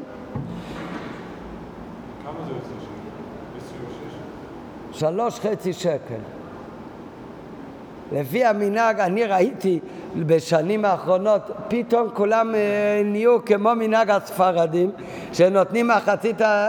לא, לא אלה שנותנים, אלה שאוספים, שכמו הדעה שאומרת שצריך לתת את השווי של מחצית השקל שהיה במשכון, אבל אנחנו, כ... מה כתוב ברמה בשולחן ערוך? נותנים בכל מדינה את החצי שקל של אותה מדינה באותו זמן. אז כמה צריך לתת? שקל וחצי. שלוש מטבעות של חצי שקל. באמת, באמת. אה? אם היינו באמריקה דולר וחצי? דולר וחצי, נכון. אה? אני יודע, כי אתה כל שנה נתת לפי השווי. נכון. אז נכון, אם עשית כך כל שנה, אז שלא יהיה, שלא... שלא תבטל את מה שעשית כל שנה. לא, לא, לא, לא. לא, לא, זה אתה תמשיך, תמשיך, זה שלא, שלא חס וחלילה שירדת מה, ממה שהיית רגיל לעשות קודם, אבל ביחד עם זה תיקח גם שלוש מטבעות של חצי שקל כן, זה ב... אה? אה? טוב, נחזור לענייננו. אז, אבל, מה עם מי שלא היה נותן מחצית השקל? לוקחים לו בכוח. כן, האם הם משכנים אותו? לוקחים לך את התפילין, תקבל אותם בחזרה כשתביא מחצית השקל. כן, אם זה ויקחו לי, מה זה לי? לשמי, איזה לשמי, איזה לשם השם זה אם, אם לוקחים ממך בעל כוחו. אתה אומר, אתה בכלל לא רוצה. כן, באמת סתם התרומות, זהב וכסף ונחוש, זה נתן כל איש אשר ידבנו ליבו, זה לי לשמי. זה אפשר להבין. אבל הרי אחד מהתרומות זה גם תרומת המזבח, ושם הדין הוא שנוטלים ממנו בעל כוחו, ממשכנים על השקלים. ואם כן, איך ייתכן לומר שנתינה זו צריכה להיות לשמי, הרי הנתינה בעל כוחה. ללא כוונתו של הנותן כלל, לא רק שלא מכוון לשמור, בכלל לא מכוון לתת, הוא לא רוצה לתת. משכנו אותו בעל כוחו. אז איך זה יעבוד? זה הרי יהיה נתינה שלו לשמי. וגם נשאל לנו הרי גם את השאלה שהתחלנו, שהזכרנו בעוד ב' או ג', למה באמת הפסוק אומר ויקחו לי ולא ויתנו לי, ויש לומר שתירוץ שאלה אחת מתורצת בה, שאלה שנייה, שבאמת התורה אומרת ו... ויקחו לי תרומה. אצל מי צריך להיות הכוונה שלי לשמי? אצל מי שלוקח. מי זה שלוקח? הגזבר, אצלו צריך להיות בעיקר הכוונה לשמי. הנותן, ויתנו, הנותן זה לאו דווקא ויתנו לי. אצלו לפעמים חסר הכוונה לשמו של הקודש ברוך הוא, וזה לא מעכב. ממשכנין על השקלים, לוקחים ממנו גם על כוחי, ויש ממש קושיות אלו מתורצת חדה בחברתה. הדין לשמי בנוגע לתרומת המזבח על כל פנים, בנוגע לתרומת המשכון, אולי באמת הלשמי צריך להיות על שתיהם, כי לא מוצאים באף מקום שלוקחים בעל כוחו של בן אדם לבניית המשכון. אבל על כל פנים בנוגע לתרומת מחצית השקל, אז הלי לשמי זה לא בנוגע לנתינה, שהנותן צריך להיות לו כוונה לשמו, היינו שהנותן צריך לתת לשמי, אלא הדיוק הוא ויקחו לי בלקיחתם של גזברי ההקדש. אומרים לגזבר, אתה לוקח, אתה צריך, הלקיחה מבני ישראל היא צריכה להיות לשמי. וזה הביאו בשתי הלשונות, דבר לבני ישראל ויקחו לי תרומה מאת כל איש. הבני ישראל שהם לוקחים, זה הולך הגזבר. מאת כל איש זה היהודי שלוקחים ממנו. דבר לבני ישראל זה הולך על אוספי התרומו, על הגזברים. כל איש זה הולך על בני ישראל שהם נותנים. וויקחו לי תרומה מעץ כל איש, אותם הגזברים שהם לוקחים מבני, שהם הבני ישראל, הגזברים שהם לוקחים מעץ כל איש, הם צריכים לקחת לשמי, לשם של הקודש ברוך הנותן, הנותן לאו דווקא שהייתה לו הכוונה לשמו. כי באמת יש תרומה כאלה במחצית השקל שלוקחים ממנו גם בעל כוחו, בוודאי אין לו כוונה לשמו. ולכן אין סתירה מזה שהנתינה היא בעל כוחה, כיוון שלקיחת הגזברים ויקחו באמת הייתה לשמי. טוב, עכשיו הכל מסתדר מאוד יפה, שבאמת הרש"י אומר לי לשמי, למה צריך להסביר כאן לי לשמי? כי זה דבר חדש, לא שמקדישים. זה שמקדישים את זה לקודש ברוך הוא, זה גם, אני מבין, כתוב, ויקחו תרומו. המילה לי זה בא להוסיף כאן דין מיוחד, צריך להיות כוונה בהקדש. ומה צריך להיות הכוונה בהקדש? לשמו של הקודש ברוך הוא. ומכיוון שהכוונה הזאת היא נוגעת, אז זה נוגע גם להלכה של רש"י לשיטתו, שכל מה שנתנו לבדק הבית זה בכוונה לשמו של הקודש ברוך הוא, אז זה לא כל כך משנה אם זה היה לבדק ההיכל או בדק, האזהרה, העיקר שזה יהיה לשמו של הקודש ברוך הוא, ולכן מותר לשנות. רק אסור לשנות מבדק הבית לבדק, לקודשי מזבח או בכל, בתוך קודשי מזבח גופה. היי רואים שיש תרומות מסוימות כמו לקורבנות, ששם איך אפשר להגיד שיש הדגשה לשמו של הקודש ברוך הרי גם משכנו אותו בכלל בעל כוחו. אם משכנו אותו בבעל כוחו אז איך יכול להיות? שלי ההדגשה צריך להיות לשמו, אז על זה הוא מתרץ עכשיו בהקדם, שבאמת למה כתוב ויקחו לי ולא וייתנו לי, כי זה נאמר בפשוטו של מכל הגזברים. אז מתחדש כאן שהכוונה לשמוע אצל מי היה? אצל הגזבר האוסף. הנותן, יכול להיות שלא היה לו שום כוונה, אפילו במקרים מסוימים זה היה אפילו בעל כוח ממה שקנין על השכולים. עכשיו בפנימיות העניינים. אך עדיין צריך להבין בפנימית העניינים, מאחר שהתרומה של השקל יכולה להיות גם בעל כוחו של הנותן. נמצא שבתרומה אין צורך בשום כוונות. לא כבתרומת המשכון, שנתינה הייתה תלויה בנדיבת הלב, אלא רק שתגיע התרומה לידי ההקדש. ואם כן, מדוע, מדוע נדרשת בזה כוונה לשמי שגזברים אוספים את התרומות? אז יוצא בזה הרי שיש נפקא מינה מאוד גדול. תרומת של בדק הבית, שזה היה לבניית המשכון, בזה היה נוגע הכוונה של הנותן. כן, לא בגלל ויקחו לי לשמי, אלא את זה מאיפה אתה יודע שזה תלוי בלב שלך? כתוב במפורש, מאת כל איש אשר ידבנו ליבו, תקראו את תרומתי את הזהב וכזו נחושת. אז זה לא הכריחו אף אחד לתת, אז זה היה תלוי ברצון שלו. נו, שם אני גם יכול להבין שצריך להיות כוונה לשמור של הקודש ברוך הוא. לעומת זאת בתרומה של מחצית השקל, שעם זה הקריבו קורבנות, בזה לא היה נוגע בכלל הכוונה. עובדה שלקחו אליך את זה גם בעל כורחה. מה כאן בעל כורחה? לא גנבו ממך. לקחו ממך את הכומתה, לא תקבל אותה בחזרה עד שתביא מחצית השקל. נו, אז אתה באמת תביא. לא, אבל זה כוונה לשמור, שום כוונה זה בעל כוחך בכלל. אלא מה אתה רואה מזה? שלעניין המחצית השקל שאיתם הביאו את הקורבנות, העיקר זה בפועל ממש. בעיקר זה הפעיל ממש, שהקורבן יבוא מכל עם ישראל. מה התכוונת, לא התכוונת, לא מעניין אף אחד.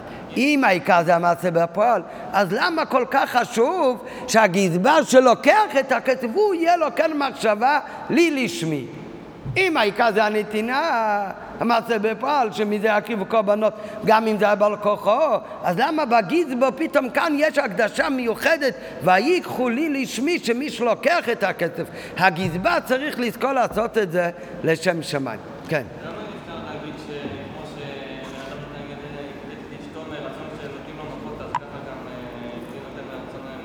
כן, אה, אה, אתה צודק במאה אחוז, זה יכול להיות, אבל גם זה שמביצים אותו לתת גט עד שהוא אומר רוצה אני, קשה להגיד שזה נקרא לי לשמי שהוא כיוון כאן כוונות גדולות. לא, לא, כוונות לא היה לו, הוא עושה את זה בעל כורחי. רק אומרים זה גוף ונהיה רצון שלו, כי זה רצון פנימי וכולי וכולי. טוב, בפשוט יש לומר, בפשוט אפשר לומר, למה כל כך חשוב שבאמת אלה שלוקחים להדגיש שזה לי לשמי, על אף שמצד הנותן זה יכול להיות אפילו בעל כוחו, ופשוט אומר הרבה, כל אחד מבין שלמי צריך יותר לדאוג שיתנהג לשם שמיים? מי שנותן צדקה או אלה ש... שלוקחים צדקה? אה? אה? שצריך להיות לשם שמיים? אה, לא, לא. אלה שלוקחים מי, מי שגזבר, מי שממונה על הציבור, מי שממונה על הציבור, יש לו כוח ביד, אז צריך להזהיר אותו ולהגיד לו, תעשה את כל מעשיך לשם שמיים. יש אנשים, הוא נהיה פנס על הציבור, הוא נהיה חיי על הציבור, אז יש לו כוח ביד, אז פתאום הוא מרגיש שהוא יכול לעשות דברים, ואז אם הוא עושה את זה שלא לשם שמיים, משתמש בכוח שיש לו באופן לא טוב. אז על זה צריך להזהיר שכל מי, כמו שחז"ל אמרו, פרנס על יטיל אימה לציבור שלו לשם שמיים. יש אחד, הוא רב גדול, הוא אחראי על uh, קהל, והוא יכול להטיל אימה על הציבור, כולם מפחדים ממנו. אז מה, אם הוא מנצל את זה כדי שכולם יפחדו ממנו ויש לו כוח ביד, השם ישמור, זה דבר לא ראוי. הוא צריך להשתמש בלהטיל אימה על הציבור. אבל הוא צריך לעשות את זה אך ורק לשם שמיים, כדי שכולם ילכו בדרך הישרה וכולי וכולי. אז הפנס על יטיל אימה לציבור שלו לשם שמיים, מכיוון שעבודתם של הגזברים זה לאסוף את התרומות, והרי הרגע ראינו שהם יכולים לגבות אפילו בעל כוחם של הנותנים, אז נחוץ מאוד, במיוחד להזהיר אותם שלא יתערב בזה שום עניין של פנייה צדדית. כן, שלא אני מחר נהיה גזבר, ואני יודע שהתורה נותנת לי כוח לגבות אפילו בעל כוחו, אז נו, הגיע הזמן שאני יכול לטפל בך כמו שצריך, אני כבר אכניס בך עד שאני אעשה, אני גם אעדר קצת באיך שאני אוציא את זה בעל כוח אחד. על זה צריך להגיד, ויקחו לי לשמי, אתה עושה את זה, אתה גובה מהם את התרומות, ולפעמים אפילו בעל כוחי, תזכור שאתה לא עושה את זה בשביל עניינים של עצמך לנצל, אלא זה רק צריך להבטיח שלקיחתם תעשה לשמי לשם הקודש ברוך הוא. אה? לא, לא, לא, זה לא נוגע בדיוק איך זה עבד. לא, בהתחלה היו משמים על השקלים, אומרת המשנה. אחר כך היושבים הגזברים בכל מקום. ורק האחרונים שלא הביאו, אז הלכו לטפל בהם. לא היו צריכים לדפוק כל בהם, כולם היו צריכים לבוא ולהביא. אבל, אה? היה רשימות, לא יודע.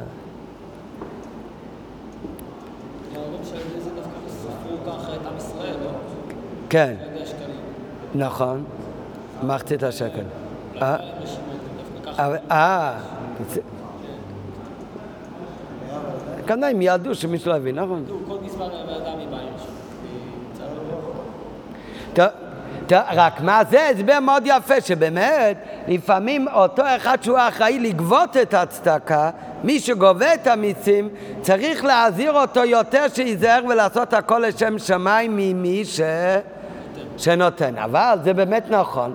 אבל הרב אומר, קשה לומר שזה הדגשה כמה פסוק, ויקחו לי תרומה לי לשמי, כי כתוב ויקחו לי תרומה. מה משמע כאן? שהכוונה לשמה זה נוגע לתרומה. זה לא נוגע למידות טובות של הגזבר, אלא שהתרומה צריכה להיות לשם שמיים. אז למה? אז באמת יש תרומה שרואים שגם מצד הנותן היה לשם שמיים, מאת כל אישה שידענו ליבו. אבל במחצית אשר כאן רואים שהכוונה לשם שמיים זה נוגע מצד אחד לתרומה, לי תרומה שהתרומה צריכה להיות לשם שמיים. לא רק כדי לוודא שהוא לא ישתמש לרע בכוח שיש לו, אלא זה נוגע באמת, אבל אין זה מכוון, כי לפי זה, לפי ההסבר שאמרנו עכשיו, שהוא בוודאי גם נכון, אבל יוצא שהכוונה לשמי לא נוגע לתרומה. אלא זה נוגע לגזברים, שהם צריכים לעשות את זאת לשם שמיים. אבל מפשטות הלשון ועניין משמע, שהלי הוא הדגשה בתרומה. מה זה תרומה לקודש ברוך הוא? זה צריך להיות באופן שויקחו לי, שזה צריך מלכתחילה להינתן לשמו של הקודש ברוך הוא. אז חוזרת השאלה, איך יכול להיות שמצד הנותן זה יכול להיות אפילו בעל כוחו, אבל מצד הגזבר שוקח את התרומה, כאן נוגע לעצם עניין הקדוש של התרומה, שזה יהיה לי לשמי לשם הקודש ברוך הוא. והביאו בזה, מה עשו עם התרומה עבור המשכון והקרבנות?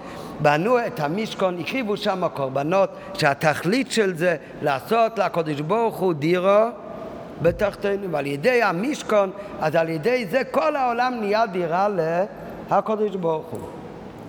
כשעושים דירה, כשאתה צריך להכין דירה לבן אדם, אורח מאוד חשוב למלך שמגיע אליך הביתה, אז איך אתה מכין את הדירה?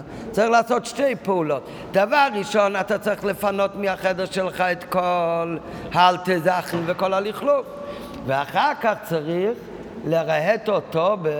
לנקות אותו ולרהט אותו בדברים טובים. אז מה זה נקרא בעבודת השם? לעשות את עצמך ואת המקום שלך דירה לקודש ברוך הוא, צריך שתי דברים, סור מרע ועשה טוב. בעשיית דירה, על מנת שתהיה ראויה לדירת מלך, יש צורך בשתי עניינים. צריכים לפנות את ההיכל מכל לכלוך, ואחר כך לסדר שם כלים נעים. בעבודת השם זה שתי עניינים של סור מרע ועשה טוב. החילוק ביניהם, סור... מהו העיקר הדבר שעושים דירה למלך? על ידי הוצאת הזבל או על ידי uh, שמכניסים כלים חדשים? אה, על ידי כלים נעים. זה שמוצאים את הדברים הלא טובים זה רק הכנה. אותו דבר, במה פועלים המשכת השכינה? זה על ידי עשה טוב. רק כדי שתוכל להמשיך את השכינה צריך הקדמה של סור מרע. החילוק ביניהם, העבודה של סור מרע היא רק הכנה והקדמה לעשיית הדירה. עצירת, עשיית הדירה בפועל, שזה המשכת אלוקות בדברים גשמים, על מנת שזה יהיה דירה לא יתברך, זה נעשה דווקא על ידי עבודה של עשי טוב.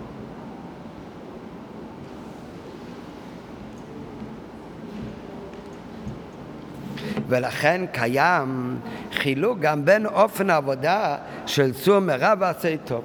כתוב בחסידס שבסור מרע מה הכי חשוב? הכי חשוב למה אתה לא אוכל טרף, או הכי חשוב העיקר שלא תאכל טרף? אה? שלא תאכל. הכוונה כאן, הוא משנה, בוודאי צריך להיות, הכל צריך להיות לשם שמיים. אבל כאן הרבה יותר, הרי כמו שאמרנו מקודם, הסור מרע הוא רק הכנה לעיקר עבודת השם. עבודת השם זה באופן חיובי, להמשיך את האור אלוקי על ידי קיום מצוות, זה עשה טוב. רק כל זמן שאתה קשור לרע זה לא יעבוד, אתה צריך להתנתק מהרע. אז איפה יותר נוגע הכוונה אם אתה באמת עושה את זה לשם שמיים או אתה עושה את זה בפנייה? איפה זה יותר משנה? בצור מרע או בעשה טוב? בעשה טוב. בצור מרע, העיקר אל תעשה רע שלא יהיה שם לכלוך. אחר כך, עשה טוב זה כבר דבקות, התקשרות בקודש ברוך הוא, אז כאן מאוד משנה, אם אתה עושה את זה לשם שמיים, אז זה, עובד, אז זה באמת הם, אה, המשכת אלוקות. לעומת זאת, אם יש לך בזה פנייה ועניינים צדדים, אז זה יכול, אז זה יכול להפריע. ולכן קיים חילוק בין אופן עבודה של סומרה ועשה טוב כמו שכתוב בחסידת. עבודה של סומרה, מה שנוגע הוא בעיקר בפועל ממש. ולא נוגע כל כך באיזה אופן פועל האדם על עצמו שלא לעבור, לעבור על רצון העליון. אפילו אם הוא עושה את זה לגרמי ומירת העונש וכיוצא בזה, הכל טוב.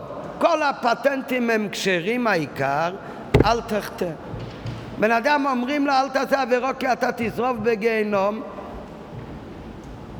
מה זה מצחיק או לא מצחיק? אה? חסידים חושבים שזה מצחיק, זה לא מצחיק כן, העיקר שיפסיק לחטוא, שיפסיק לחטוא בגלל הגיהנום, אז גם טוב העיקר שלא יעשה עבירות כשאומרים שהבן אדם הוא מתחיל ללמוד תורה והוא מקיים מצוות והוא מתפלל העיקר לא להיות בגיהנום, נו אז איזה מין עבודת השם זה אסור מרע, אסור מרע, לא אכפת לי מה הסיבה.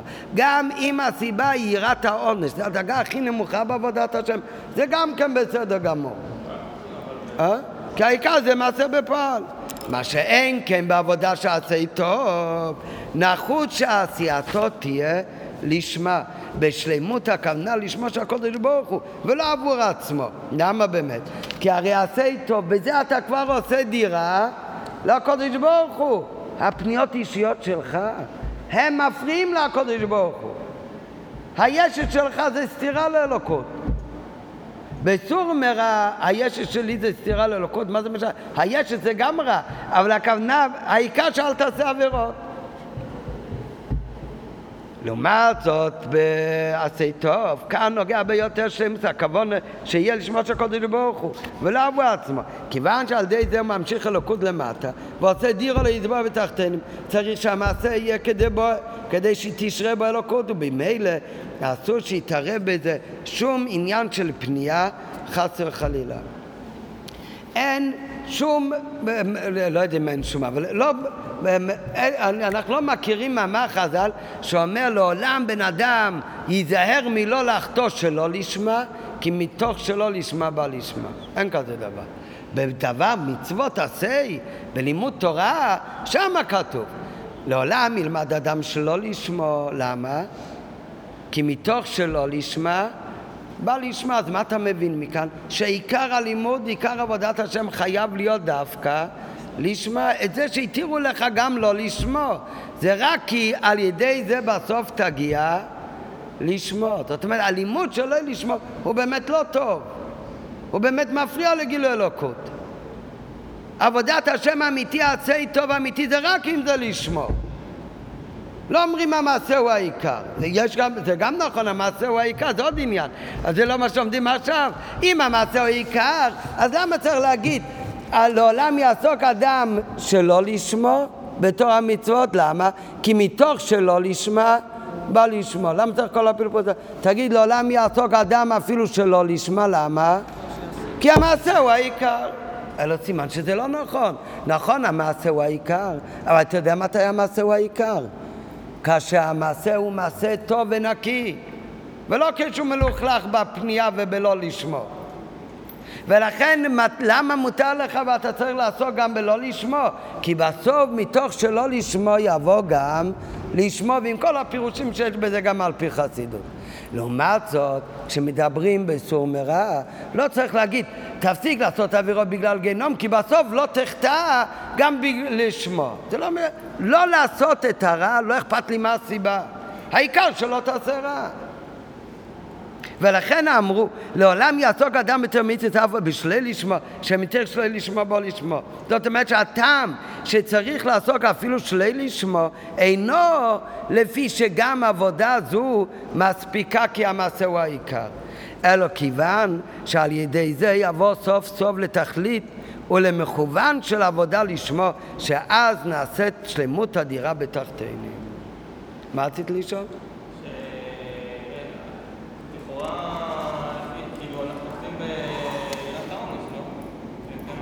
יראת העונש, בצור מרע זה מצוין, בעשי טוב זה לא טוב. בעשי טוב, אם אתה בבוקר קם ומניח תפילין רק בגלל יראת העונש זה לא טוב. מי שבדאגה כזאת, הוא גם צריך להניח תפילין. למה באמת? כי בסוף הוא יבוא גם לדאגת לשמו. אבל כאן זה מפריע להנחת תפילין. כל זמן שזה לא לשמו, אז זה כתם על העבודה שלו. בסור מרע, הכוונה הלא לשמו הוא לא כתם בעבודה. כי בסור מרע זה לא נוגע כל כך, העיקר זה לא לעשות. ועשה טוב זה, הסור מרע זה הקדמה לעשיית דירה. בעשיית דירה גוף, כאן נוגע באמת המחשבה, אז צריך להיות לא? מה, מה? לא, יש הרבה דרגות בלשמה, ויש הרבה דרגות בלא לשמה, כל אחד לפי ערכו. כן, זה כל אחד, זה, זה מה שלמדנו עכשיו, הרגע בפסקה האחרונה, זה לא נוגע ל, לעבודת הצדיקים, העבודת הבינונים של טניה. זה ליקוטי סיכס לומדים עכשיו. זה נוגע לכל אחד מאיתנו. כשאתה מגיע לידי ניסיון, לגמרי לא משנה מה, עוצר אותך מהניסיון. כן, שיהיה הדבר הכי uh, מצחיק. שיהיה בגלל שאתה יודע שהחבר מסתכל עליך. לעומת זאת, כשאתה בשבת עומד ומתפלל ואתה מריר בתפילה רק בגלל שהחבר בספסל לידך מסתכל עליך, אז לא התפללת. אז זה סתם צחוק. כן, בסור מרע זה לא סתם צחוק, בסור מרע זה העיקר של עשית רע, זה מצוין. כן, הכי טוב באמת תמיד להיות עם עוד מישהו. כן, חצי... לכן לא צריך להיות בודד, צריך להיות תמיד עם עוד מישהו. אתה לבד, לך תדע. כן. אני כל הזמן איתכם, אז, אה, אז אני מתפלל, לומד, ולא... כן, לך תדע מה אם הייתי לבד כל הזמן. אה? לא, זה עוד יותר גרוע. ירס העינש זה, ירס העינש מהקודש ברוך הוא. יכול להיות שאתה מפחד שהשני יראה אותך, בסדר, נו. אני אמרתי רק לדוגמה, אני אומר שהעניין הזה, הוא אמר מקום זה דאגה גבוהה אבדה לשמו. אמרתי יש הרבה דאגות לשמו. זה יהודי בעצמו אומר, לא אכפת לי למה, העיקר אה, נ- ניקח את עצמנו לידיים. כשמגיע לעשה טוב, אז זה גם ככה, העיקר, תלמד רק בשביל הגייבה שלך, זה גם טוב. אבל למה זה טוב? כי מתר שלי לשמור, בוא לשמור. כאן צריך באמת לדעת שאתה צריך ללמוד, כי אתה מתקשר בזה בקודש ברוך הוא. וריבוי דאגות, כל אחד לפי עניינו. כשם שכך הוא בעבודת האדם, כך הוא גם בענייני הבריאה שמהם מוצאים את המשכון להתברר שישנם בזה שתי עניינים. יש את הדברים הגשמי, יש את הסור מרע סור, הכוונה יציאה מרשות העולם, שהעולם נמצא תחת ממשלת קליפת נוגה, בדוגמת העניין של סור מרע, וכל הדברים צריכים להיכנס לרשותו של הקדוש ברוך הוא, שהדבר נעשה הקדש, ועל ידי זה נעשה מקום, משכן עבור הקדוש ברוך הוא, זה דוגמת העניין של עשה טוב. ועל פי זה מובן. זאת אומרת, כשיהודי נתן את התרומה למשכון, נתן את המחצית השקל, התרומה מלשון הפרשה, מלשון הרמה. אז יש כאן שתי דברים. הוציאו את זה מהחולין של העולם, שהעולם מתחת ממשלת הקליפה וסטרי אחרי, וגם אם זה דברים המותרים, אז זה לא שלוש קליפות אטמות, אבל, קלי, אבל זה עדיין לא קדושה, זה קליפת נוגה. צריך להוציא את זה על ידי שיהודי מקדיש את זה לקודש ברוך הוא, ועל ידי זה זה נכנס לרשות של הקדושה, לרשות של הקודש ברוך הוא. זה שתי חלקים. הפרשה והרמה, על דרך הפרשה והרמה שדיברנו מקודם. צריך להוציא את זה מקליפס נגע ולהעלות את זה ל... לרשות הקדושה. אז איפה יותר נוגע העניין של, של לשמור? בחצי הראשון, באסור מרע שיוצא מתחת ממשלת הקליפס נגע, או בכניסה ל... לקדוש שבעשה טוב. מה אמרנו, איפה יותר נוגע הכוונה? אה? בכניסה לקדושה. אז הבן אדם שהוא נותן את המחצית השקל, אז שם יכול להיות שזה עדיין בעל, בעל כוחו. היציאה מרשות ההדיוט, היציאה מרשות של הקליפת נוגה, זה יכול להיות גם שלי לשמו, זה יכול להיות גם בעל כוחי. אבל כשויקחו לי, מי לוקח? הגזבר, הוא לוקח את זה, אצלו זה כבר ברשות של, של הקדש. אצלו זה כבר עשה טוב. כאן, הויקחו, באיזה אופן צריך להיות? הויקחו באמת צריך כבר להיות לי איש, מכאן נוגע שהכוונה זה לשם שמיים. על דרך שאמרנו, סור מרע לא נוגע כל כך המחשבה. אבל בעשי טוב כאן זה צריך להיות הרבה יותר נוגע לשם שמיים. אותו דבר, הווה ייתנו לי, הנתינה של היהודי, זה יכול להיות גם בעל כוחי, זה היציאה מרשות העולם הזה. זה אסור מרע. הכניסה לרשות הקדוש של המשכון, שזה על ידי הגזבר שלוקח את זה, הגזבר הוא המייצג של המשכון. אז כאן צריך להיות ויקחו לי תרומה, זה צריך להיות כבר לי לשמי. הכניסה לישותו של הקודש ברוך הוא, שהדבר נעשה הקדש, ועל ידי זה מקום משכן עבור הקודש ברוך הוא, זה דוגמת עניין וסייטב. על פי זה מובן שאף שממשכנין על השקלים, הנתינה היא בעל כוחי שלא נותן, כיוון שבעניין של סור מרע לא צריך כוונה לשמי, העיקר נוגע בפעיל, להוציא מממשלת קליפס נגע. אבל הלקיחה שעל ידי הגזבר, שעל ידי זה זה נכנס ברשות הקדש, זה חייב להיות לשמי. שני עניינים אלו מבוארים בשני הפירושים שבתיבת תרומה כנ"ל, הפרשה, הרמה והגבהה. כשאומרים הפרשה, מה הפירוש הפשוט של הפרשה? שהדבר מופרש מחלק האחר שעמו היה מעורב. אז זה מורה סך הכל על פרישה מענייני חול. וכך הוא גם בשייכות לאדם, שהדבר מופרש מרשותו. ואילו כשאומרים הפרשה זה מלשון מה הפירוש השני מלשון הרמה? ואילו פירוש הרמה והגבהה הוא כנ"ל, שהדבר מתעלה ונכנס כבר לרשות של הקדש. ואת זאת רמז רש"י בכותבו לי לשמי, לאחרי שהעתיק עכשיו בפנימיות העניינים את כל השלוש מילים ויקחו לי תרומה, ויקחו לי תרומה.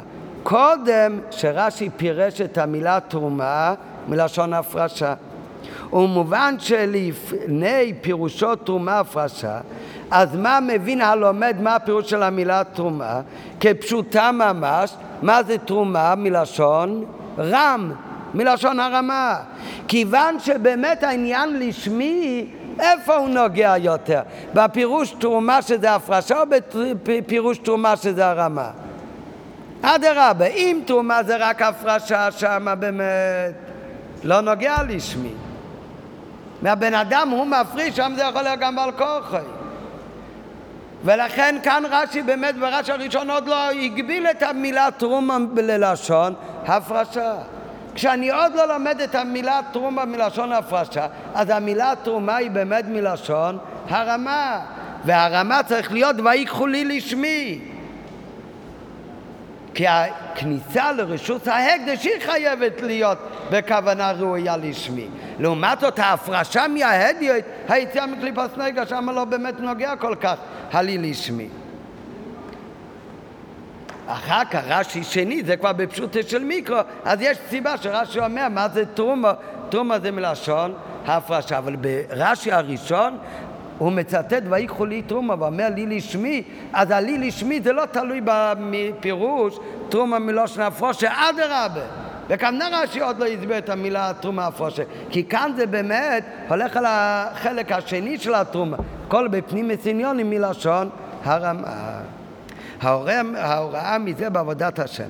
כשיהודי הולך להשפיע על חברו, לקרב אותו לתר ולמיתוס, או לקיים את המצווה שהוכיח תוכיח את עמיתך, אז יהודי עלול לחשוב, בישלם כאשר מדובר בקיום תר ומצווה שלו עצמו, עדיין החוץ שעבודת השם שלו תהיה כדבו לשמו. אבל בשעה שהנידון הוא השפעה לזולת, הרי מה שנוגע הוא בעיקר הבפועל, שעלה יתחיל להניח תפילין, שעלה יימנע מעשיות אווירה וכיוצא בזה. ואילו האופן והדרך שבהם הוא פועל, זאת על הזולת לכאורה לא נוגע כל כך. כן, מאוד מעניין. מקודם מה אמרנו? שיש הבדל, בעבודה שלך יש הבדל איפה יותר נוגע הכוונה. תמיד בצום, או, או הכוונה נוגע רק בעשית, נכון, בעשית טוב. בסומר, לא כל כך נוגע הכוונה, אלא העיקר בפועל ממש. בעשי טוב, שם זה נוגע לעשי סדירה בתחתינים, שם נוגע באמת גם הכוונה, שזה יהיה לשמור, לא בשביל נגיעות אישיות. עכשיו, איפה, כל זה אתה יכול להבין כשמדובר על עשי טוב של, של עצמי. אז כאן באמת נוגע שזה יהיה לשמה ושום פניות. כשאני הולך אבל עכשיו, ואני עומד ברחוב, ואני הולך להניח תפילין עם יהודים, אצל מי זה נהיה עשי הסדירו להסבורך? על ידי, על ידי או על ידי, על ידו על ידי הנחת תפילין של השני? של השני. אז כאן איפה נוגע לשמו? של היהודי שהוא מניח. אני, אני הרי סך הכל מזכה אותו, אני רוצה להוכיח, תוכיח את עמיתך. התפילין הוא, לא, הוא מניח. כאן אולי באמת אני יכול לעשות את זה בשביל הכתבה בישראל, מה זה משנה? או באחד מהשטויות האחרים. כן, כאן אולי לא נוגע כל כך שיהיה כוונה לשמוע. כאן אולי מותר לי באמת לעשות את זה בשביל הפנייה או בשביל הפרסום. במילא יכול להתערב בתוך אותו רגש של הפך אבא ציצו. הרי לא מדבר על ה... על השטויות שאנחנו הזכרנו מקודם. הוא מדבר יותר למה שיכול להיות באמת. אצל הבן אדם שכשהוא מדבר עם השני, כאן יכול להיות, מה נוגע אם זה הכוונה איך אני עושה זה? העיקר שהשני יניח תפילין, ואם זה לא הולך בקלות, אה? אז ילך עוד יותר בכוח. כן, אז יכול להיות שיעשה את זה ברגש של חוסר של אהבת ישראל. כן, מה זה בוא, רגע אחד תניח. ויותר מזה, גם אם הוא לא עושה את זה באמת, בהוכחה שהשני מרגיש שאתה צועק עליו, הוא עם כל הלב וזה, אבל בתוך פנימה של היהודי שהוא עוסק, הוא מרגיש שאני זה שמכריח את חבר, אני מרגיש שאני הטוב והנעלה, ואני עכשיו משפיל את עצמי כדי להרים אותך ולקרב אותך. נכון, אני יודע שזה חיסרון בעבודת השם שלי, שכשאני משפיע על השני אני מרגיש את כל הישת שלי, שאני זה שמקרב אותך ואני יותר טוב ממך. נכון, אני יודע שזה לא טוב, אבל אני אומר, זה לא סוף העולם, למה? כי עבודת השם שלי, לימוד התורה שלי, קיום המצווה שלי, וזה אסור להיות פניות, זה צריך להיות לשמוע. אבל כאן העיקר זה הרי עבודה שלך, אתה תמשיך כאן את הגיל אלוקות. כאן לא נוגע כל כך את המחשבה שלי. אמנם הוא יודע שזה חיסרון בעבודת השם שלו, שהמידות שלו עדיין לא מבוררות, ועדיין קיים אצלו רגש של ישס, אבל מה זה ולעבודתו עם הזולת? זאת איפה באמת הישס זה, זה, אני מבין שזה סתירה, זה סתירה לעבודה שלי את הקודש ברוך הוא. אבל כשאני עכשיו מנסה להשפיע על יואב לעבוד את הקודש ברוך הוא, נו, אז למי מפריע הישס? כן, כאן העיקר שיואב יעבוד את השם, הישס שלי הוא, הוא לא מפריע כאן, לכאורה. קבל את האמת ממי שאמרו, ובפרט בנוגע לסור מרע, בפרט אם הוא רוצה להשפיע על השני סור מרע, וזה בוודאי אין הכוונה נוגעת. ועל זה בהוראה שהחשבון הזה נכון רק ביחס לזולת. היהודי השני, באמת אותו יהודי, אתה אל תעשה חשבון שאני יש לי את האינטרסים אישיים ואני יש מציאות כשאני רוצה להשפיע עליך. לך אסור לעשות כזה חשבון. אתה צריך לחשוב, קבל את האמת ממי שאומרו, גם אם אני לא בסדר. זה חשבון נכון לגבי הזולת. שעליו לרצות לברוח מהרע בכל דרך שתהיה. אבל בשבילי, אני שרוצה עכשיו להשפיע על הזולת, אז גם כשמדובר העניין של צור מרע אפילו על הזולת, צריך לעשות את זה לשמה. הגזבר, ויקחו לי תרומה. הגזבר, גם אם הוא הולך למשכן את השני, תמיד צריך להיות בכוונה לשם שמיים. למה באמת? כי מה שאני פועל על השני, בין אם אני פועל על השני בקו של עשה טוב, גם אם אני פועל על השני בקו של סור מרע, בשבילי תמיד מה זה? עשה טוב, הוכח תוכיח. לכן אצלי זה תמיד צריך להיות לשמוע. אה? בשביל המוכיח. אה? בשביל את מי שמוכיחים. יכול להיות, תלוי, אני יכול להוכיח אותו פעם בעניין של עשה טוב, אבל אני יכול להוכיח אותו גם בסור מרע. אז השני הוא לא צריך לעשות חשבון אם אני מכוון לשם שמיים או לעולם. אצלך באמת בפועל ממש תשיג להתנהג לא טוב. אבל אותו אחד שמוכיח אותו, הוא כאילו הגזבר, אצלו זה תמיד עניין של עשה טוב. אצלו, לא, הבן אדם חושב, מה אמרנו בהתחלה, בדיוק הפוך. הוא חושב תמיד שאם זה נוגע עבודה של השני, אז בכלל לא נוגע כאן את המצב שלי, יכול להיות גם עם פנייה. מהו האמת? בדיוק הפוך.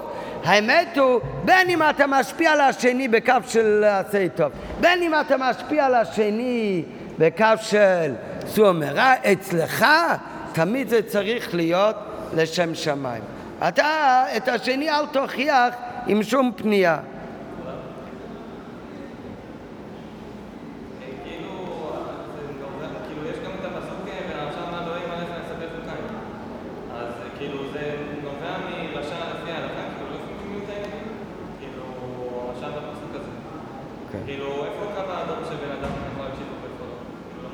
ש... איפה הקו האדום שאני אומר שממנו אני מקבל כזה כלי שאמר גם לא מושלם לבין שאני מקבל ממנו רשם? אה, מי שאומר לך לעשות, לא לעשות דברים שהם נגד תורה ומצוות ולקיים דברים של תורה ומצוות זה תקבל מכל אחד.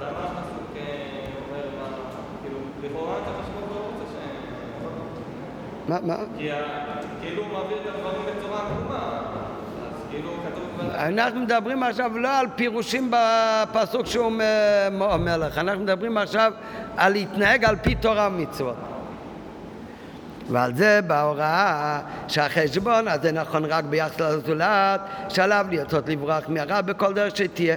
מי שהולך להשפיע על הזולת, הנה גם כשמדובר בעניין של סור מרע צריך לעשות את זה לשמו כיוון שפעולתו על הזולת היא אצלו לעולם עניין של ועשה טוב. אצלך מבצעים זה תמיד עניין של עשה טוב. לכן אצלך זה תמיד צריך להיות בכוונה לשמוע בדיוק הפוך ממה שבן אדם עלול לחשוב. בן אדם חושב במבצעים שמה משנה הכוונה, העיקר שהשני יעשה.